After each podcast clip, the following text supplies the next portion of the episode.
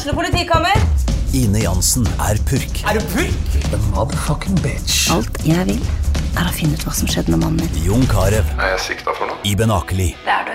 Ole So, Lars Berrum og Big Daddy Karsten. Hvem sin side er du på, egentlig? Anette Hoff, Tone Danielsen, Kommer du fra Afrika? Jørnis Josef, Nesten. Kløfta. Trond Espen Seim, Det er synd å si det, men det var feil mann som døde. Purk. Premiere tirsdag på TV2 Play.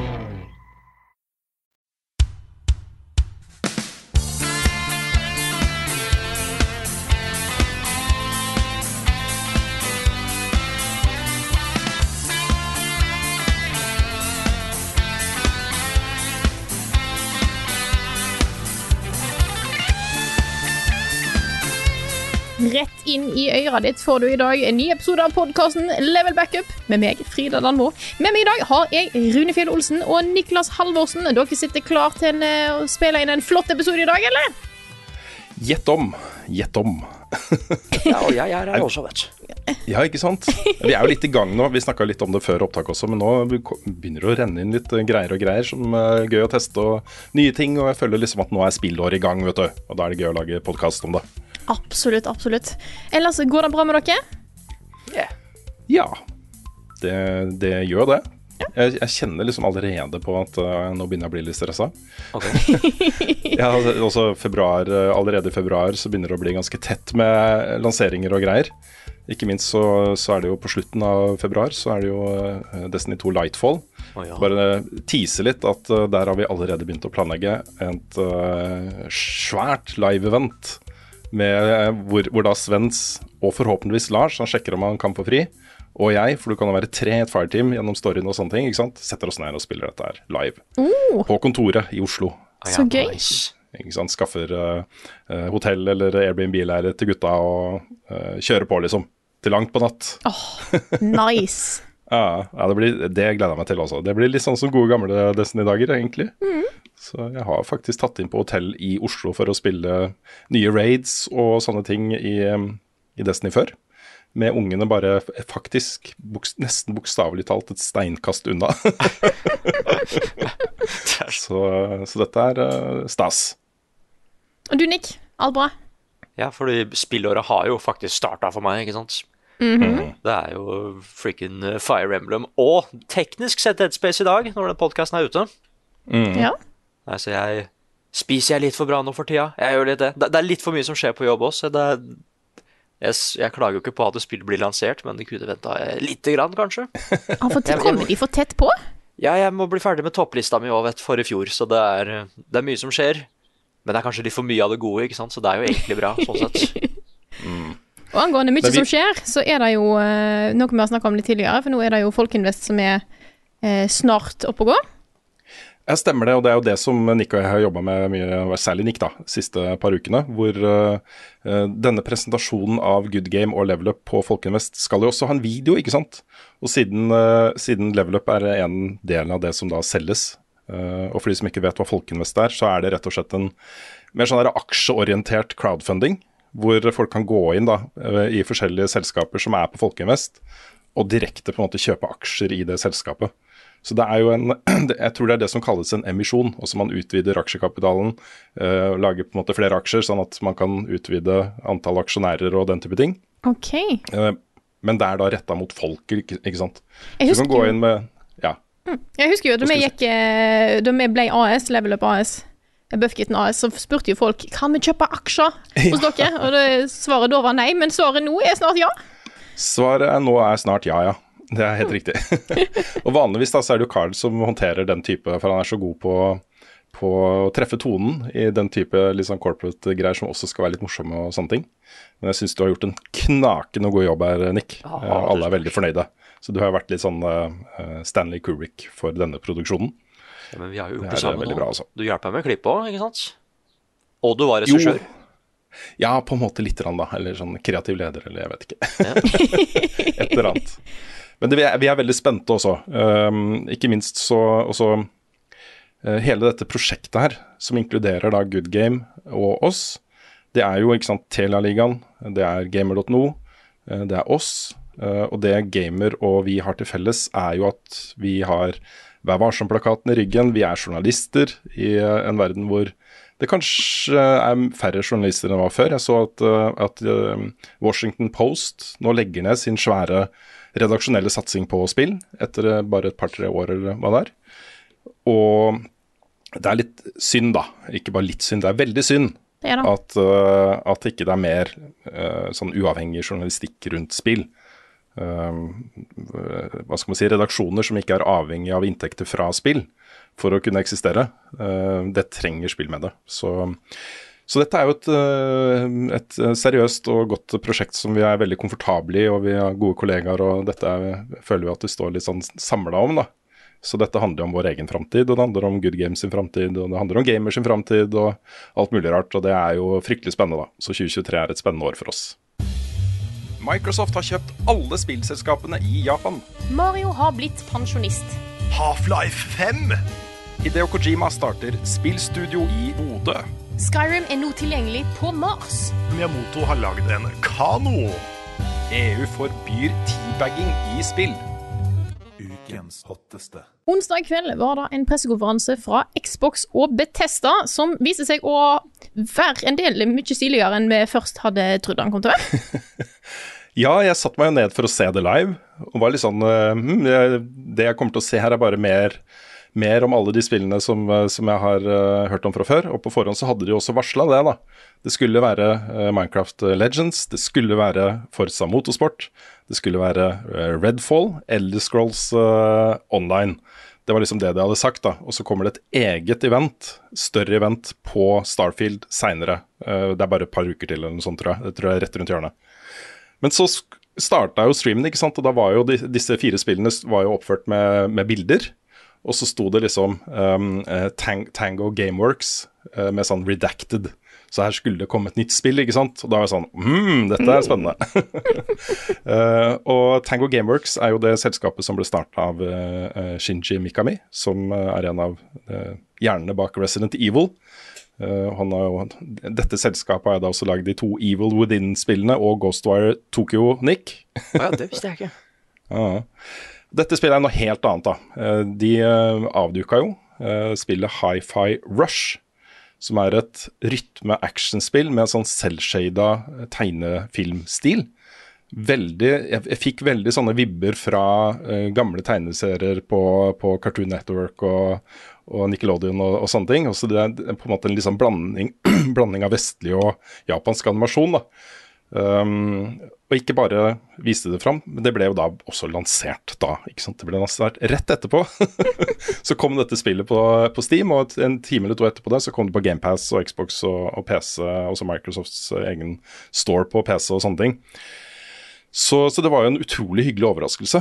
Eh, det var veldig gøy å se eh, Shinji Mikami stå der sammen med eh, sin kollega, for dette er åpenbart et konsept som ikke har kommet fra han, og det var han også ganske nøye med å poengtere da, i den videoen. At dette var ikke min idé, men det er jo hele teamet som på en måte står bak alt arbeidet med det. Det er samme teamet som lagde Evil Within, og det kunne jo nesten ikke vært lenger unna på en måte den, den litt sånn seige skrekkfølelsen i dette spillet, for dette er veldig sånn fargesprakende, humoristisk, um, morsomt, løssluppent. Uh, alt dette er liksom som, uh, som uh, det- ser ut som da, på, på video og sånt. Um, det er jo et rytmespill, et action-rytmespill, som, uh, hvor handlingen er sånn at du har en, et sånt svært gigaselskap som, som tilbyr um, uh, si, modifisering av mennesker. Bytte ut armer med robotarmer og den type ting. De skal skape på en måte en, en bedre mennesker Ja. uh, for å øke produksjonens kvalitet. Alt mulig rart, liksom. Det er en veldig sånn business, da. Uh, og så er det jo da en fyr som drømmer om å bli rockestjerne, som uh, melder seg til dette her. Sniker i køen. Det blir en malfunction. Han får Musikkspilleren sin blir på en måte innprinta i brystet hans, på samme måte som Tony Stark har det derre den der reaktoren i brystet. Uh, og den robotarmen uh, begynner å interagere med den musikkspilleren, og så blir det sånn magisk. Han får lage en sånn derre uh, gitar av metall som blir våpenet hans. Og alt er i rytme. Du skal slå i rytme, verden rundt er i rytme, fienden er i rytme, og hvis du da klarer å holde rytmen, eh, så eh, får du bonuser og kraftigere angrep og alt dette her. Sånn Metal Hellsinger, Crypt of the Necrodancer, er veldig den gata, da. Og jeg satt meg ned og spilte dette her, jeg. Eh, med en gang jeg kunne. Eh, jeg begynte å søke på det på sti, på det tok en times tid eller noe sånt, og så der var det plutselig. Der var det. Så jeg satt og spilte dette et, eh, et par timer i natt. Og det er skikkelig gøy, altså. Jeg vil ikke si det er så insane fett som det så ut som på de videoene. Um, litt, hva skal man si, litt mer sånn um, Jeg skulle ønske at, at, den, at jeg følte den rytmen med på kroppen når det ikke var i kamp. For det, liksom, det er gøy å se at liksom lysene blinker i takt med musikken, og at um, bevegelige deler liksom slammer ned i gulvet i takt med musikken og alt dette her. Men jeg skulle ønske det var enda litt mer, da. Men uh, det var skikkelig gøy også. Uh, det var et brett som, uh, som, på en måte ligner en del på en sånn den type spillopplevelser som man har sett før. Du er i en arena hvor det kommer masse fiender. Skal du slå ned de, og når du er ferdig, så skal du liksom hoppe litt rundt, og det er skjulte hemmeligheter, og du kan gå dit istedenfor dit, og der finner du det, og så er det oppgraderinger, og så kommer du til slutt da, til en boss. Uh, og det var skikkelig gøy.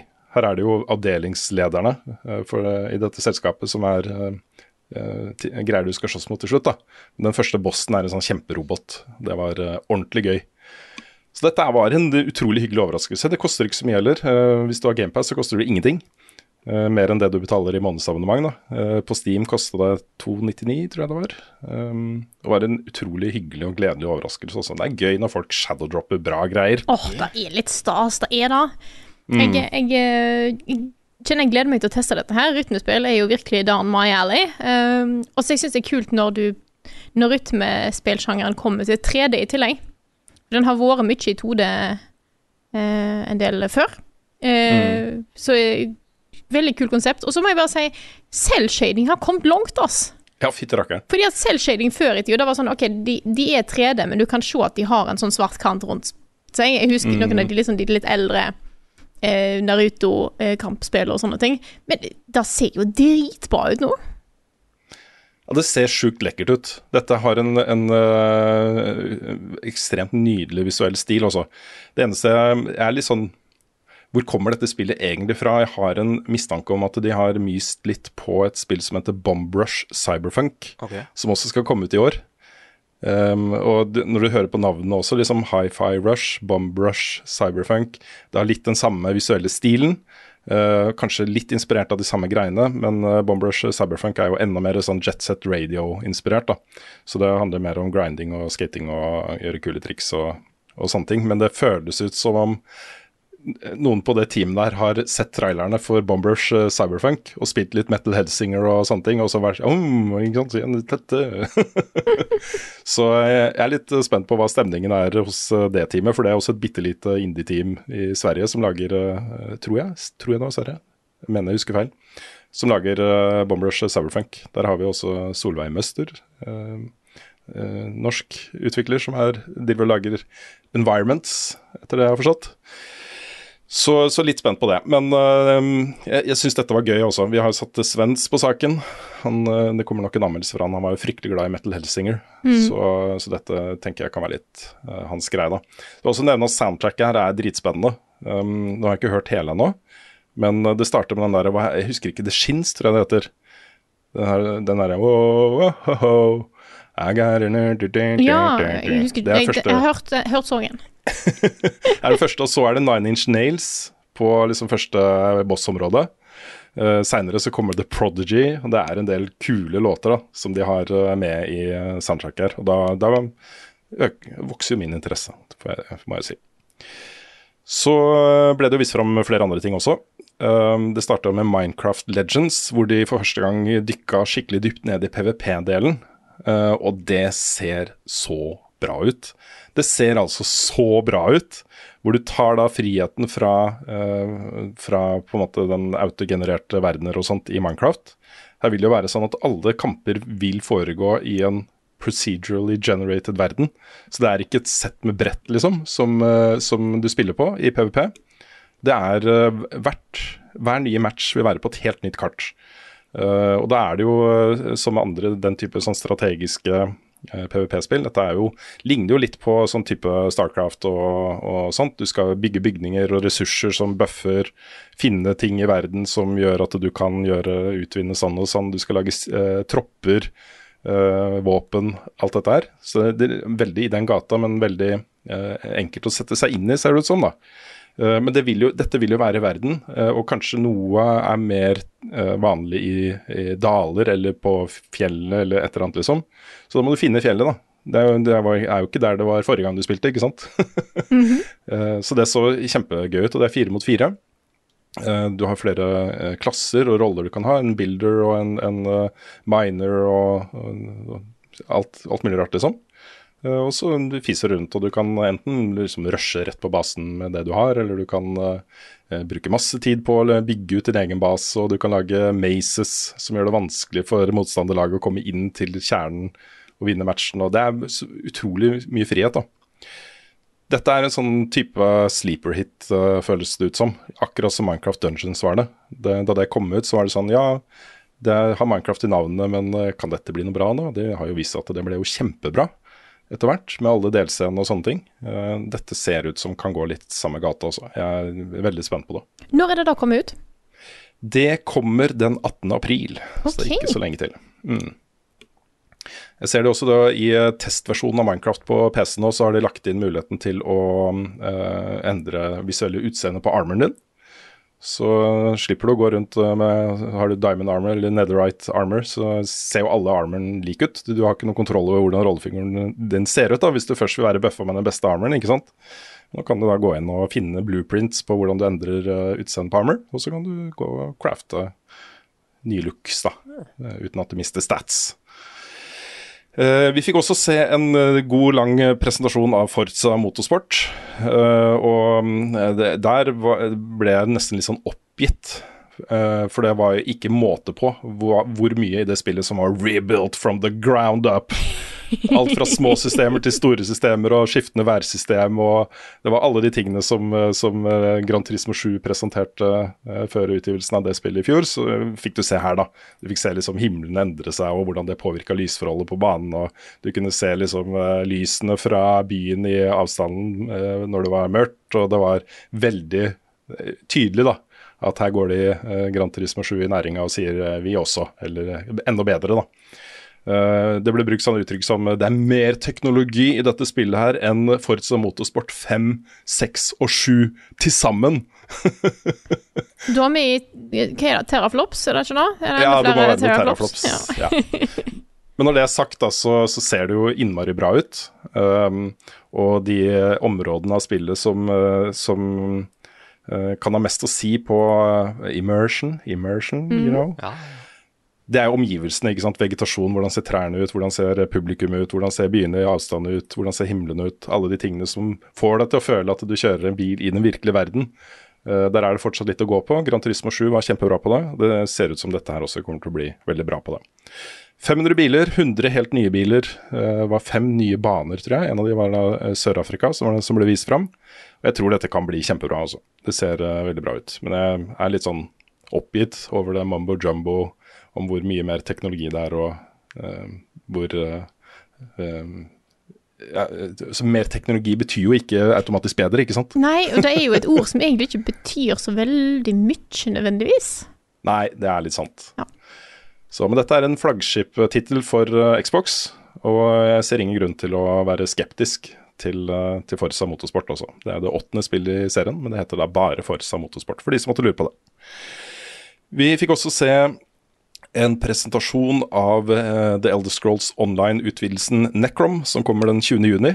Uh, jeg har null interesse for det spillet, så her har jeg lite å bidra med, egentlig. Eh, jeg syns det ser bra ut. Også sånn Miljøene i dette spillet ser kjempebra ut. Det ser ut som en, en naturlig forlengelse av Elder Scrolls-universet. Men hvordan det er å spille dette, det aner jeg ikke. Jeg vet at Svens har spilt en god del.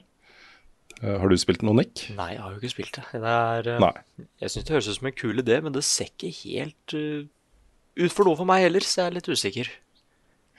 Men, Ja. men, men altså, cutsidene var kule. Da, det jo. Ja, det er litt sant. Det er uh, mye stilige locations og sånne ting. Men jeg- ja. Så beklager til alle Elder Scrolls Online-fans som eventuelt da hører på, eh, at ikke vi er mer entusiastiske for dette. Men eh, det er nå den eh, kunnskapen og erfaringen vi har med det, tilsier at her har vi ikke så mye å bidra med. Eh, Men det vi har mer å bidra med, er jo det eh, siste spillet eh, de viste, og det er jo Redfall.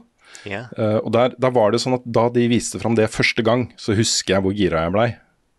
Og så her har du teamet bak eh, Eh, som låner også da fra liksom hele Arcane Uh, designfilosofien. Så du har touch av Dishonored og sånt inni dette her også. Det er vampyrer, og det er Stephen King-inspirert, og det er på en kystlandsby i, på østkysten av USA. Uh, hemmelige eksperimenter, og det er co-op, og det er open world, og det er ikke sant Masse greier. Uh, og så begynte det å vise fram en del nye trailere hvor, uh, hvor jeg var litt mer sånn ja, men jeg, nå kjenner jeg ikke Jeg føler ikke at dette treffer på samme måte som da det viste fram første gang. Her er det, det, det, er, ikke helt på plass, liksom.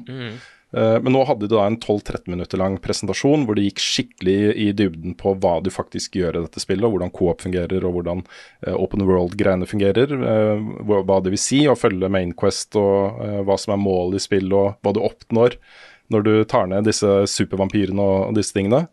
Og da så det altså så bra ut. Fikk du sett det du, Nick? ja, jeg fikk sett det. Hva syns du? Ja, for nå er jeg eh, Jeg tror nok kanskje grunnen til at jeg ble litt skuffa først, er fordi jeg er så glad i Prey. Og liksom Dishonored world-buildingen og sånn. Hva de klarer å stappe inn i hver level. Um, så jeg, så, så jeg, jeg var kanskje litt salty for det, med at vi får litt, noe litt annet nå. Men nå, nå har jeg klart å skille mellom de to mer, da. Så nå syns jeg det ser kjempegøy ut. Jeg er helt enig. Det den, den følelsen jeg har nå, er bare at her må vi bare assemble a team. Ja. Uh, bare level up, assemble. Og kjøre ut til dette er co-op. Jeg, har- lyst til å spille dette i co-op fra første skritt. Også. Det tror jeg er den desidert kuleste måten å oppleve dette universet på. Men det har jo ikke, det har jo ikke vært noe Arcane co-op-spill, tror jeg. Har det egentlig det? det, det tror jeg ikke. Nei, ikke sant? Så, så jeg har veldig lyst til å være med på det. det er, eh, pluss at jeg, jeg var ganske sikker på at jeg skulle være The Assassin, ikke sant? Fordi det er den klassen jeg liker best i de spillene her. Åh, Men så har vi han Dev, vet med den eh, gule jakka, og da var det nødt til å Altså, han hadde andre kule abilities òg, men fy søren, det var, det var Ja. flott design. Uh, så jeg må finne litt ut hva jeg gjør her. Ja, decisions, decisions, decisions. Ja, Da kan du være stelt kar. Uh. Kanskje det. Nei, jeg, jeg satt jo også litt med en sånn følelse av at, uh, at når det har kommet sånn tre-fire mi- minutter ut i den presentasjonen, så var jeg sånn OK, I get it, Arcane. Uh, jeg, er tilbake på hypetoget deres.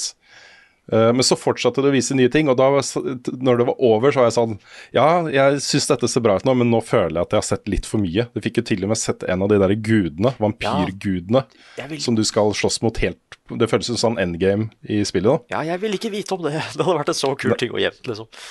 Ikke sant? Så, så jeg tror de har rett og slett vært litt stressa pga.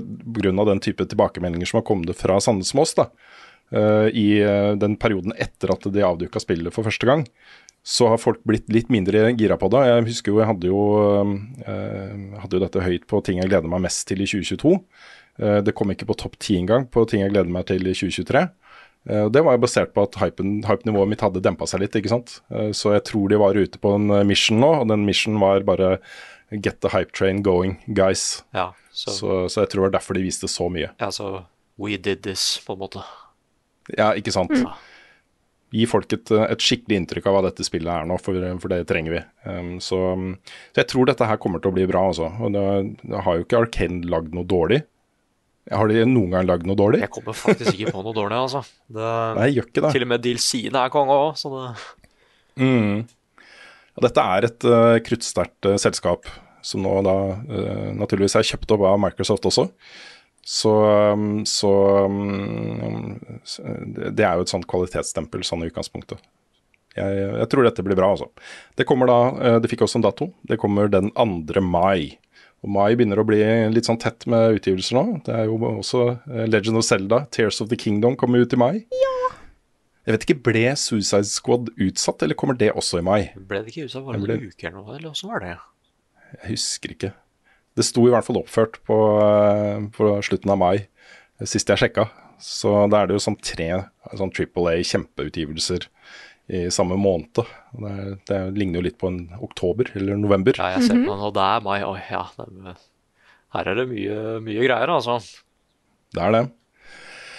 Tipper vi det kommer nok et par andre eh, spill rundt da også. Det, jeg tror det er mange utgivere nå som, eh, som sitter og håper de når eh, finansåret eh, 2022, som jo utløper 31. mars, og som finner ut da i februar at nei, det rekker vi ikke, men vi rekker april-mai, da. så da får vi det ut da isteden. Så jeg tipper at en del av de svære greiene som folk går og venter på også, vil få en dato rundt april, mai, juni. Så jeg tror det blir tett opp mot sommeren, altså. Nok å gjøre. Tetris. Skyrim. Destiny 2. The Sims. Edderkoppkabal. Destiny 2. Animal Crossing. Pokémon Cola eller Pokémon Pepsi. Destiny 2. Guitar Hero. Kingdom Hearts Bohemian Boogaloo. Destiny 2. Level Ups spilleliste. Oppmerksomme lyttere har kanskje lagt merke til at det har kommet noe nytt i podkasten? Ja, hva kan det være? Ja, vi, vi glemte å adressere det litt tidligere, så vi tar det nå. Vi har fått nye vignetter. Ja, for de hører jo ikke vi når vi spiller inn dette, ikke sant? Nei, sant. Så, men eh, vi kommer til å høre det når vi klipper den ferdig og den publiseres. Så bra du kom på det, Frida. Yes, Hvis ikke hadde det vært litt rart hvis vi bare har masse nye vignetter og bare aldri adresserer det. det Ja, dette ja. er jo eh, fantastiske Martin Herfjord som har eh, lagd et nytt sett med vignetter til oss, eh, og eh, som nok en gang er av top notch kvalitet. Ja, Det er kjempebra, og det er jo uh, veldig naturlig da at man innimellom uh, man si, pusser, litt, pusser litt opp. Gjør litt småendringer. Det er jo en del av en litt større endring vi gjør med podkasten, som vi også snakka litt om i forrige uke. Vi kommer ut til å legge ut Spilluka som podkast en gang i uka. Endre litt på nyhetsspalten i denne uh, og da vil det komme også nye vignetter til eh, Spilluka. Og alt dette her gjør Martin bare gratis for oss. så Det er så utrolig hyggelig gjort. Han er så flink og, og trivelig og hyggelig og alt dette her. Så setter jo utrolig stor pris på det, da. Så, så da blir det nye vignetter her i denne episoden. Og så etter hvert da når Spilluka er tilbake, så kommer det litt nye vignetter og sånt der også. Eh, så, så dette er gøy, altså. Det er ordentlig morsomt. Det er veldig stas å få litt sånn, litt sånn fresh, nytt greie. Mm, det var gøy å spille inn uh, det, uh, lyd, altså voicing, til disse nye, nye vignettene også. Ja, det var veldig, uh, veldig festlig. Kjekt å få deltatt i den prosessen òg, vet du. Ja, Så kan jeg ta en, en, en mulig innsigelse på forhånd forhånd -hmm. før den kommer. Og Det er jo at, at det er jo en fare for at kanskje disse vignettene går ut på dato litt fortere enn andre typer vignetter. Eh, I og med at vi sier jo det samme da hver uke. Eh, vi har jo da muligheten til å oppdatere de med nye ting, ikke sant. Mm. Bare beholde formatet og si nye ting. Så det kan hende at vi kommer til å gjøre sånn innimellom, da. Så, så det er ikke helt spikra i stein, men vi er veldig fornøyde med, med de nye vignettene. Det er veldig gøy. Yes. Og med det så fortsetter vi med den eh, vanlige spalten, som er hva vi har spilt i det siste. Og de som har vært litt på internett og tittet, har jo fått med seg at det er et spill som har blitt lansert, som har eh, fått ganske mye snakkes, og da er Forspoken. Og du, eh, Rune, jeg håper å si Carl, du Rune har begynt å dukke ned i dette her. Ja, og det, det var fint du nevnte Carl, for Carl gjør jo det Ja. ordentlig. Yes, det var derfor jeg det plutselig gikk litt Det var en liten kortslutning i hodet mitt. Ja, Carl er jo tilbake i februar og har allerede begynt å snuse på og meldt interesse for å gjøre noe på Forspoken. Så eh, hvis det blir en anmeldelse fra Level Up, så blir det Carl som gjør det, da.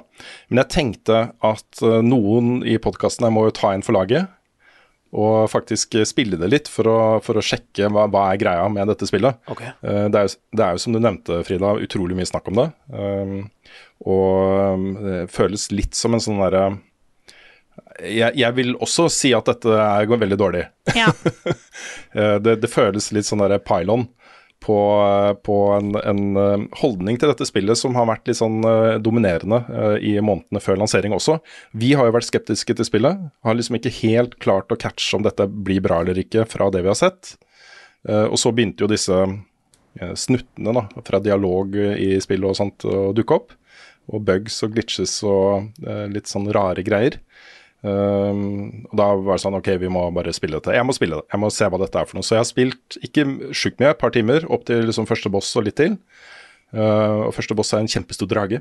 Ja, okay. Så uh, det er jo et, et, en, en, en god anledning til å se hvor uh, skalaen i dette spillet, da. Um, og jeg må jo si at uh, før, før, jeg, før jeg tar liksom erfaringa med da, de første par timene, så har jeg sett en del klipp nå fra dette spillet. Uh, fra litt seinere, hvor du begynner å oppgradere abilities, du begynner å få en del nye abilities. Uh, Du kan drive med waterbending og, og surfe rundt på sånne um, magiske surfebrett og sånne ting. Det ser ganske heftig ut, altså. Det, det ser ut som om, om når du får den friheten til å eksperimentere med magiske krefter og sånt, så eh, får spillet en ny dimensjon. Eh, og det vil jeg gjerne si først, fordi uh, det, det er ikke sikkert at de første par timene er 100 representative for resten av spillet.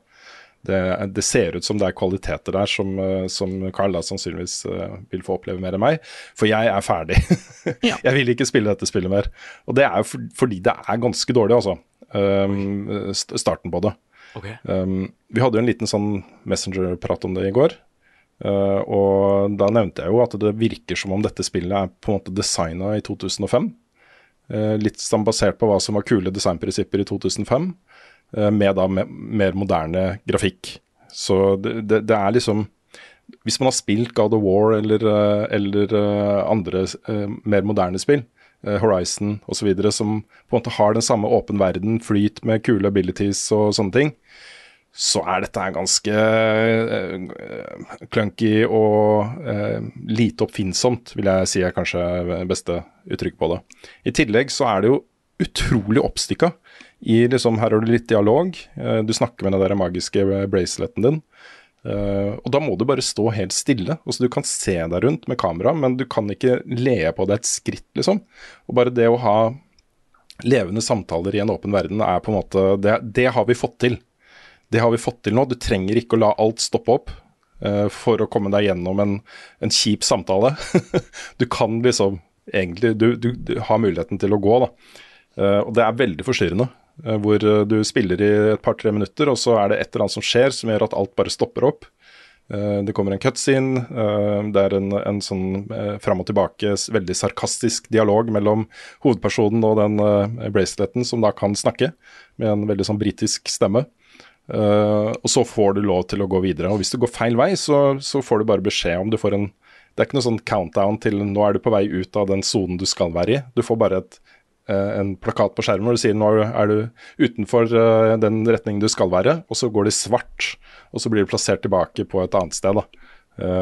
med liksom trynet i den retningen du skal. For Jeg så Carl kommenterte at det var mye fade to black.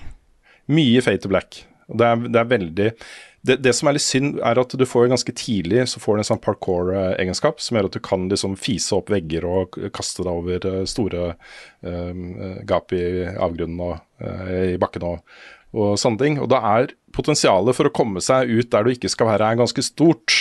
det er ganske lett. Det er ganske lett å fise i en annen retning enn det du egentlig skal. Så, så du må på en måte nesten tvinge deg selv da, til å, i hvert fall i starten, jeg tror kanskje det blir litt mer åpent etter hvert, til å gå i den retningen utviklerne vil du skal gå. Så du må kjempe mot den derre um, impulsen etter å utforske uh, rundt omkring, da. Uh, fordi det er ikke der du skal være ennå, uh, på en måte. Um, og så er det ganske stor forskjell på å spille dette spillet i kamp, og det å spille det når du ikke er i kamp. historiedelen i dette spillet syns jeg er dårlig, rett og slett. Det er dårlig dialog og um, kjipe rollefigurer og det er veldig lite sjarm. Det, det, virker ikke som om det er lagt ned nok arbeid i å få dette til å være levende og interessant og spennende på en sånn måte som et sånt spill må være. da. Uh, men det, det, å få da gradvis bedre uh, magiske abilities, og det å være i kamp, er ganske gøy, altså. Jeg syns ikke mitt helhetsinntrykk av dette spillet er helsvart. Er, eh, jeg kommer ikke til å fortsette fordi jeg syns de der historiedelene er for forstyrrende. Men øh, har eh, full respekt for at andre kan få mer ut av det enn det jeg har gjort. Hvis du velger å fokusere på å oppgradere abilities og få nye abilities og bruke det i kamp og sånne ting, så kan det være ganske heftig. Så, så jeg, sånn, alt i alt kanskje sånn helt average. Gjennomsnittlig. Uh, milevis unna den derre kjempeopplevelsen dette her uh, så ut til å kunne bli. Ah. Men uh, bedre enn det mange hevder det er da, på, på nett. det er min dom, men uh, fortsatt veldig tidlig i spillet. Så, så, hvor representativ den meningen er, det, det, vet jeg rett og slett ikke helt ennå. Kan jeg ta et spørsmål knytta til det, for jeg syns det er relevant? Mm. Um, det er fra Skal jeg bla litt her. Um, Uh, ja, fra Alexander Aanvik. som spør da, virker som om Forspoken blir en flopp, ifølge anmeldelser. Er ikke første gangen det går dårlig for Square Enix, men håper de klarer å fikse problemet med spillet. Det klarer de ikke. det kan jeg bare si med en gang, det klarer de ikke, for dette er, dette er manus. Mine største problemer er at spillet er manusbasert, og så er det en del sånne grunnprinsipp-design-greier som, eh, som det, det klarer de rett og slett ikke å fikse. Det er ikke bugs Så- liksom som går an til å fikse i en patch. Nei. Nei. Um, men han skriver da virker som de har hatt problemer lenge, og nå som det er så dyrt å lage spill, så er det skummelt å satse på nye eh, IP-er. Eh, og IP er da en intellectual property. Eh, vet aldri om det går i dass eller den rette veien. Hva tenker dere om dette? Og Det er litt interessant, fordi eh, nå er det også samtidig en sånn gigantisk eh, oppsigelsesbølge som skyller over hele spillmediet. Eh, Microsoft har sagt opp 10 000 ansatte, selv om de tjener sjukt mye penger. Eh, Du ser den samme type nedskjæringene skje overalt. Og dette er jo knytta til akkurat det, at det blir dyrere og dyrere å lage disse kjempeutgivelsene. Sony eh, har for lengst gått ut og sagt at vi kommer til å ta mindre og færre risikoer i årene framover. eh, Fordi det er så dyrt å lage spill nå, eh, og man må i større grad satse på det man har med stor sannsynlighet som kommer til å bli bra og kommer til å selge godt. Eh, og dette er en utvikling som, som alle de store publisherne nå går igjennom. Og det er et godt poeng Alexander kommer her. når man da har brukt all denne tiden på å lage et spill som Forspoken, og folk sitter og er godter seg på sosiale medier om hvor dårlig det er, ikke sant. Eh, og det påvirker salget, selvfølgelig gjør det det. Så eh, blir man kanskje mindre interessert da, i å satse på noe helt nytt neste gang. Og det uh, Spillmediet trenger jo eh, risiko. Det er jo det som driver et medium videre. Det er jo risiko, at folk tar eh, en risiko og en sjanse. Eh, det var jo det som fødte God of War 2018. Ja, sant. Herregud, så mye Corey Barlog kjempa mot uh, naysayers i Sony og, og Santa Monica på, på det. Uh, så, så det er litt skummelt. Eh, men når det er sagt, og dette har jeg jo sagt mange ganger før, så dette er gammelt nytt for mange. eh, det betyr jo da samtidig at eh, de som velger å ta den risikoen, da gjerne mindre studioer kanskje, mm. indieutviklere, folk med litt større nei, Jeg hadde tenkt å si større baller, men da må jeg også si større klitoris. Jeg må begge, begge deler, liksom. Ja. Ikke sant? Um, Større kjønnsorgan. Større kjønnsorgan eh, kommer til å ta de risikoene, og det er de som kommer da til å komme med disse greiene. Og Det, det har vi sett mange eksempler på allerede, og kommer til å se mange flere. Så jeg er ikke bekymra for spillmediets framtid, men det er jo litt synd da, hvis eh, de store utgjørerne slutter å ta liksom, risiko.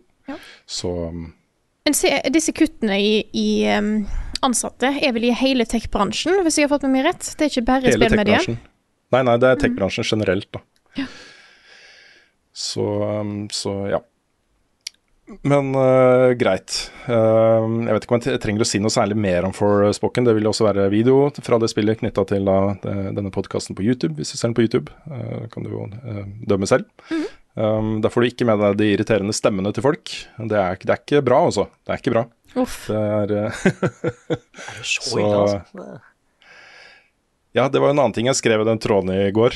Det, det virker som du har bedt en AI om å lage et uh, open world fantasy-spill. etter å ha sett uh, noen sesonger av Buffy the Vampire Slayer og spilt et par av de store open world-spillene fra 2010, liksom. Ja. Og så skal, dette skal være the shit i 2010, virker det som de har bedt AI-en om å gjøre. Ah, ok. Så, Ja, det er Så, ikke helt eh, det, det er synd at Det er alltid synd når spill ikke blir bra. Eh, Mm. så det er trist at dette her ikke var det en hadde håp på. eh, siden det virker som at det har noen gode sider ved seg likevel. Ja da, det er elementer her. Dette er jo et sånt eh, såkalt superteam som eh, Square Enix har satt sammen. Folk med erfaring fra film og andre medier, eh, som ikke nødvendigvis eh, kommer liksom med årevis med erfaring fra spillmediet. Det sitter jo selvfølgelig flinke og dyktige utviklere som, som har det, da, også på dette teamet. Men det, det er et prosjekt som som var ment å ta spillmediet et skritt videre, eller kanskje nærmere noe eh, mer filmatisk, eller et eller annet. Jeg vet ikke helt. Det, tanken var i hvert fall at eh, nå skal vi gjøre noe med spillmediet, folkens. Uh, og det, det syns jeg ikke de gjør, da. Uh, Foreløpig, i hvert fall. Eh, jeg har også, jeg har bare lyst til å nevne at eh, jeg har eh, spilt og skrevet anmeldelse av Season, A Letter to the Future. Den kommer ikke på NRK før på tirsdag, den anmeldelsen. Det er jo lanseringen av spillet, så jeg kan ikke si noe, noe mer om det nå. Men ja, den kommer da på tirsdag. snakker mer om det neste uke i podkasten. Og så har jeg også spilt et Det glemte jeg å nevne forrige uke, men jeg, har, jeg fikk en julegave av Carl. Det fikk vel alle sammen. Ja. Han pleier å kjøpe gifteting på, på Steam når det er jul, og det er veldig hyggelig. Uh, jeg gifta han Norco, og han gifta meg da et spill som heter Lill Gator Game. Som Ja. uh, er et sånn lite søtt, uh, koselig spill som kom ut i fjor, som jeg ikke hadde spilt. Det var et veldig hyggelig bekjentskap, altså. Det, mm, det var det. eh, hvor du eh, spiller da som en, en eh, liten eh, krokodillegutt. Eh, som har en krokodillesøster som har uh, reist på, på college. Uh, og de, var jo, de lekte jo så mye sammen ikke sant? da hun var yngre og hun var så flink til å passe på han og sånne ting. Nå er hun tilbake. Og Da er hun ba, sitter hun bare med iMac-en sin og gjør skoleoppgaver og research og, og sånne ting. Og han er, prøver å få henne da til å bli interessert i å leke igjen. ikke sant? Nei. Så han rekrutterer alle vennene sine til å lage et sånt live rollespill på en måte på den øya de bor på. Reise rundt og gjøre oppgaver, liksom sånn lekeoppgaver da, med et, et tresverd og, og sånne ting. Uh, men så utvikler det seg da til å bli en ganske stor sånn rollespillopplevelse. um, som uh, som uh, er veldig koselig, altså. Det et veldig koselig spill. Litt for koselig for meg, Ja. må jeg innrømme. Etter å ha spilt et par timer, så ble jeg litt, syns jeg det ble litt kjedelig. Men, men det er et, et rolig og veldig sånn hjertevarmt spill, dette her. Så hvis det er appellerende for deg, så, så tror jeg absolutt det er noe for deg. Jeg tror Carl er veldig glad i det, spillet. Det, han har hinta om at det kanskje er en sånn type topp 10 2022-spill, dette her. Oi. Så um, for han, da. Så det var et uh, hyggelig bekjentskap. Og så har jeg da, folkens, fått Platinum Trophy i Dark Souls Remastered. Ja, fy søren, jeg så det. luring. Den smakte godt, den. Den smakte godt. Det, er, uh, det var en utrolig tilfredsstillelse å komme da For det siste du skal gjøre der, er å forge et et uh, par våpen. Bossvåpen. Uh, du må jo spille det i New Game Plus 1, og så tre ganger. Du må komme til det punktet, runde det da, to ganger. Pluss spille opp til det punktet hvor du kommer til Andre, uh, blacksmithen Andre i Anolondo, for å kunne forge bossvåpen, og da forge det siste du mangler. Og da var jeg fryktelig spent. Da var det det siste jeg mangla, eller ikke? ikke sant? For hvis, ikke, hvis ikke den poppa der, så hadde jeg gått glipp av noe. Og det er den lista over ting du skal gjøre det spillet for å få Platinum Trophy, er så lang. Og det er så mye. Og jeg var ikke sikker på om jeg hadde klart å fått med meg alt, ikke sant. Så da den poppa, så ble jeg utrolig letta. Utrolig letta. Bra jobba, Rune. Jo, tusen takk, tusen takk. Hvis noen har lyst til å prøve seg, så vil jeg anbefale en sånn um, Excel-ark-checklist som jeg fant på nett. Eh, veldig sånn, Den går gjennom punktvis i prioritert, altså i eh, rekkefølgen du skal få de tingene. da. Så kan du hake av da, eh, på det Excel-arket hva du har fått, eh, og bruke det til å se hva du mangler hele tiden. Den var kjempebra. Jeg vil også nevne at det aller, aller, aller vanskeligste med denne, dette Platinum Trophy er, er selvfølgelig da å holde oversikten. eh, Ikke gå glipp av noe. Det er det vanskeligste. Det klart nest vanskeligste var Four Kings i New Game Plus. Du trenger heldigvis ikke å ta Four Kings i New Game Plus 1. Men det er noe av det tøffeste jeg har vært med på. Altså. Du klarer ikke å levele opp nok til å være eh, matche eh, Four Kings, så du må faktisk get good. Sånn skikkelig, Du kan ikke brute force den matchen i det hele tatt. Du må get good. Og det, det var tøft, altså. Ordentlig tøft.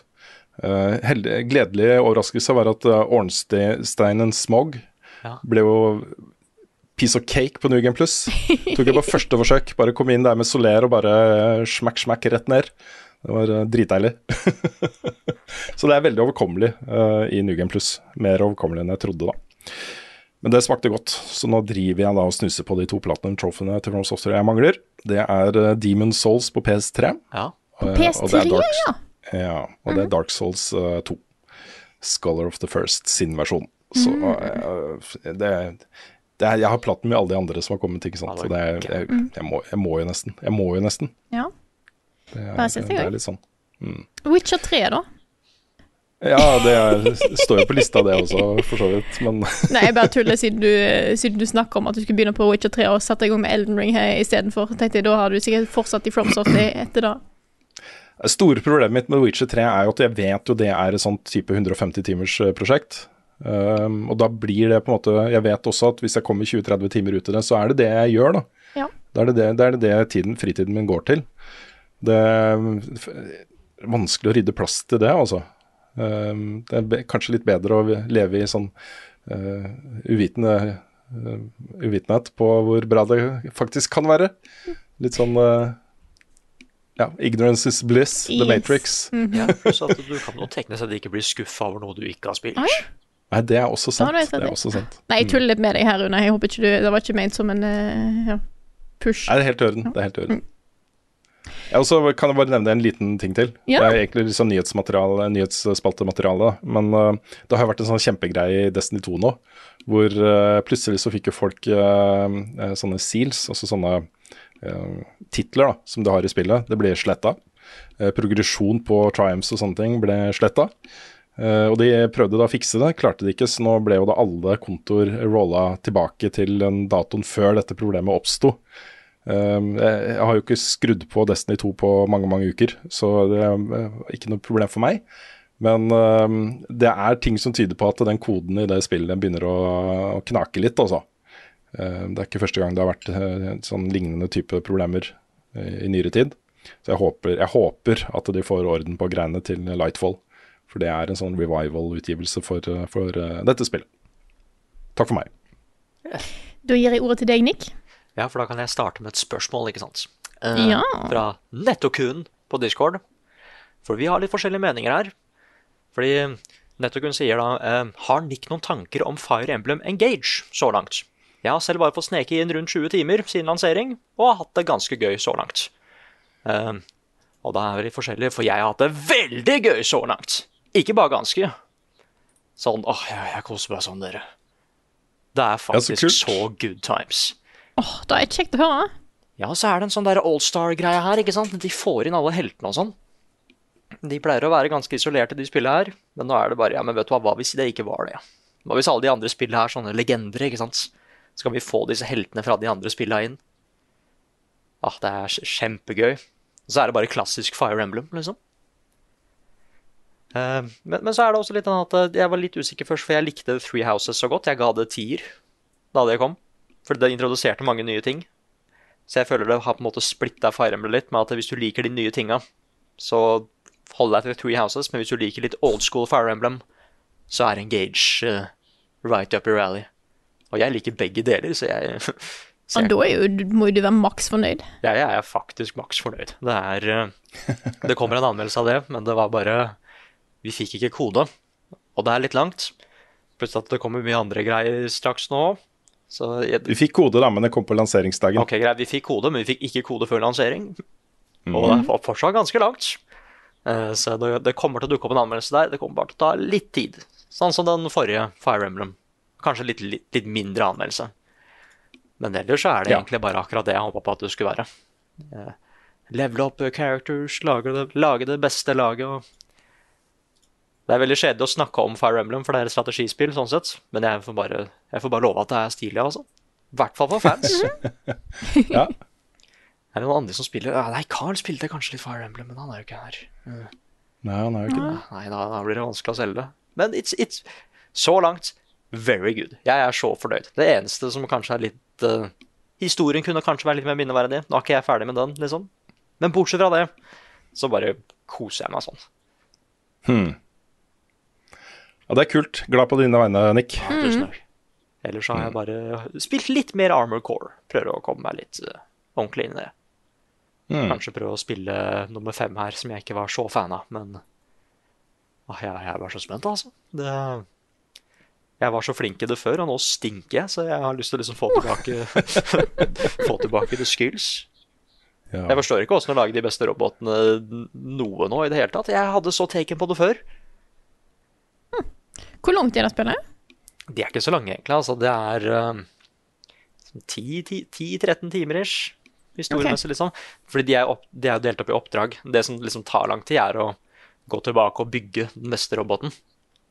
Ehm, men eh, jeg vil egentlig bare se om de hadde holdt seg, eller om det bare var nostalgi. Og mange av de har holdt seg ganske bra. Og da blir jeg så spent på liksom at eh, det eneste som mangla, er at eh, oppdragene ble kanskje litt like, liksom. Jeg kunne ønske at FromSoft var et større studio, altså, sånn at de kunne liksom virkelig putta inn uh, the big bucks her. Og det ser jo kanskje ut som at det var det som skjer nå. Så det, det, Det er akkurat det. ikke sant? det, det kan bli så jeg, jeg bare kan se for meg de setpiecene som kommer til å dukke opp i det spillet. Å, det, kan, det kan bli så stilig, altså. Det kan faktisk det. Jeg er så meget spent på det. Mm. Ellers har jeg ikke spilt noe annet nå. Da venter jeg egentlig bare på Dead Space.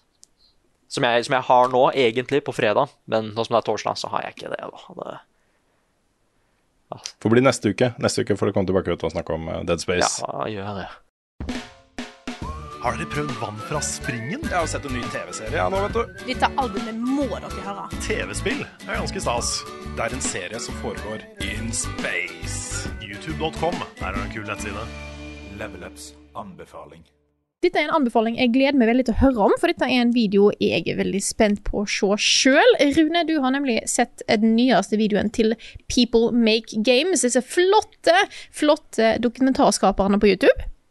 Ja, de er så flinke, altså. De er så flinke, og det er så gøy å se um, hva skal man si, entusiaster. Dette kommer jo fra folkedypet, ikke sant. Dette er ikke et svært dokumentarteam med masse erfaring å lage for, uh, for BBC eller NRK. Eller dette er, de lager det for YouTube. um, med YouTubes formspråk og sånt, men de er proffe så det holder. Og de er grundige. De er skikkelig grundige. uh, Og når de først lager en video, så bruker de mange, mange måneder på det. Og dette er jo et prosjekt de har satt i gang i fjor, hvor de ser nærmere på Valve som jo er selskapet bak Steam, eh, Half-Life, eh, Counter-Strike, eh, eh, Valve Index, det er masse greier. Eh, verdens største spillplattform på PC, eh, i hvert fall. Og mm, eh, også verdens mest, jeg vil si nest mest lukka selskap. Eh, fordi dette er jo privat, eh, et privateid selskap. De har eh, ingen krav om offentlighet av, av intern virksomhet i det hele tatt. De kan drive litt sånn som de vil da, innenfor lovene som gjelder selvfølgelig da i delstaten Washington og USA generelt. Men hvis ikke de bryter disse lovene, så trenger de ikke å offentliggjøre informasjon om hvordan det er på innsiden. Det andre selskapet er jo Rockstar, som også er samme greia, liksom. Det, det, er, det å finne ut hva som foregår på innsiden av veggene til Rockstar og Valve, er nesten umulig. Du øhm, har en kultur hvor, øh, hvor ansatte ikke har lyst til å snakke med journalister. Eh, de som er på toppen, de vil ikke snakke med journalister, de heller. De gir veldig veldig sjelden intervjuer.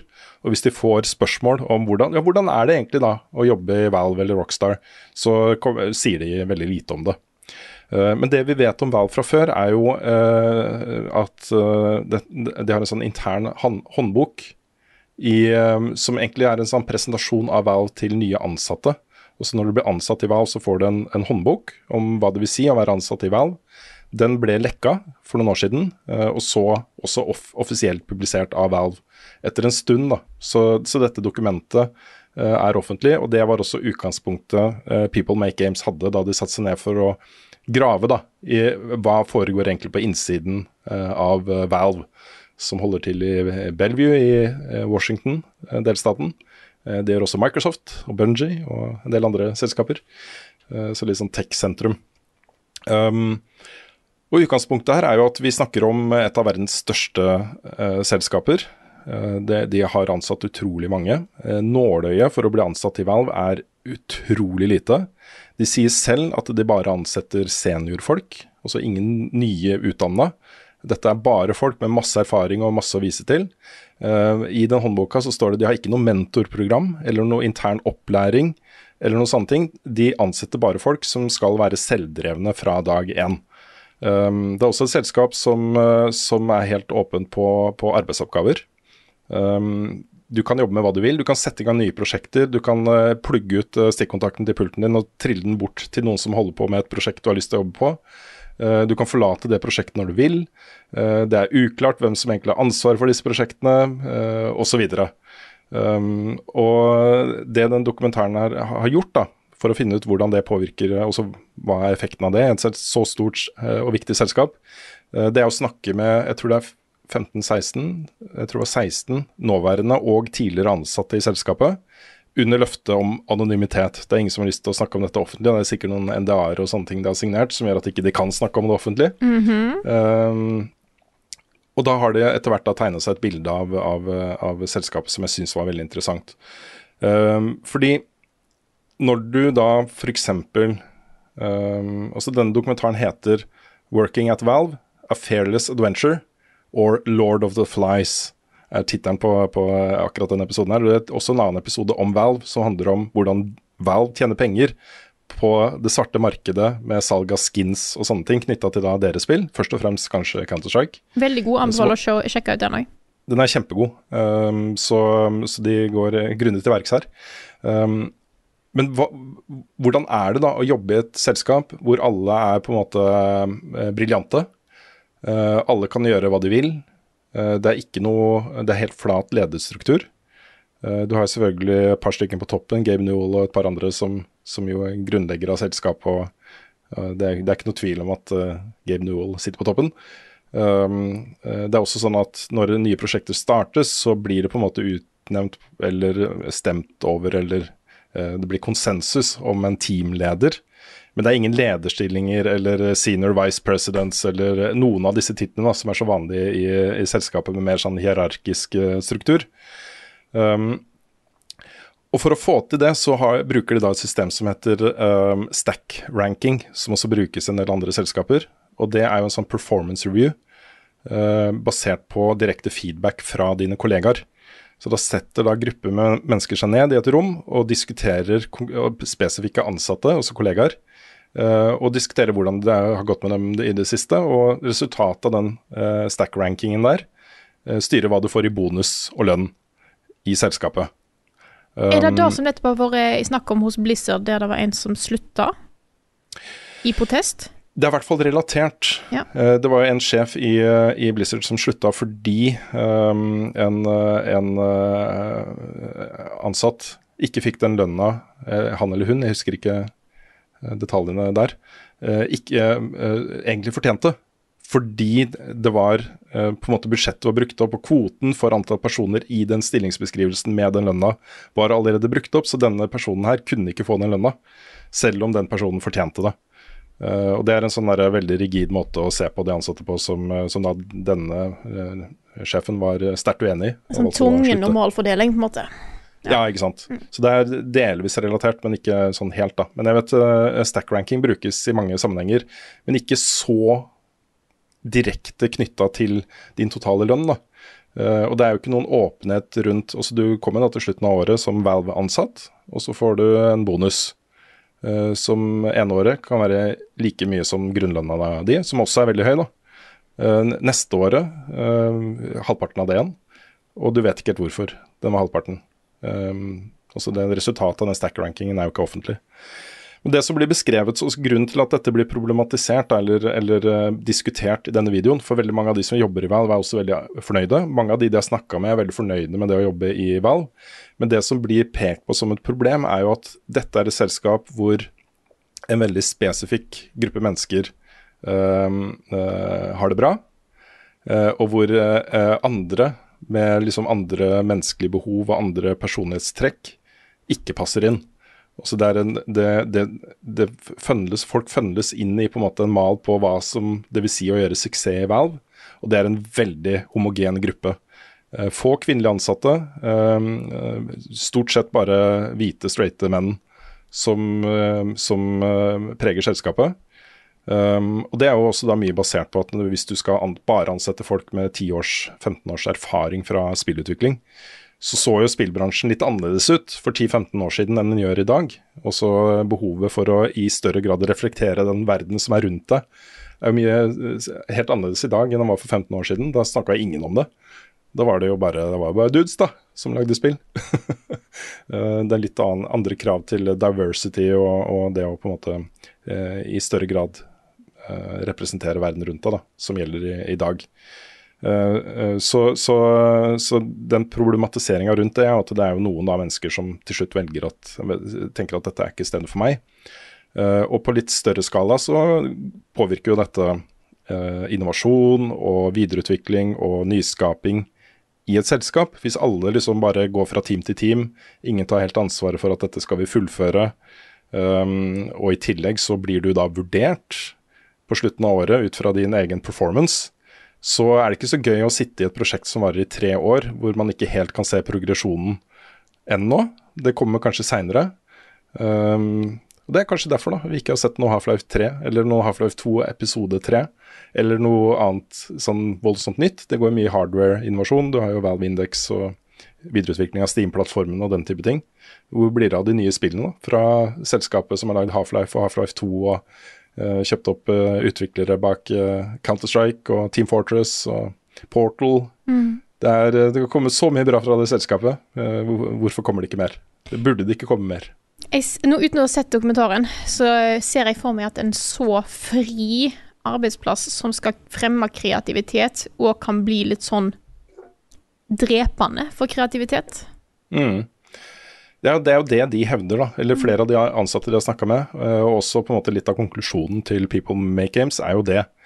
At, at jo, noen syns dette er verdens beste sted å jobbe, og noen er så selvdrevne at de bare kjører i gang prosjekter og får de fullført fordi de er de flinkeste i bransjen og alt dette her, liksom. Men, men helheten i selskapet blir veldig prega av at, at folk ikke har så veldig lyst til å gjøre helt nye greier. Det påvirker lønna deres såpass direkte at, at det ikke er noe spesielt gøy, da.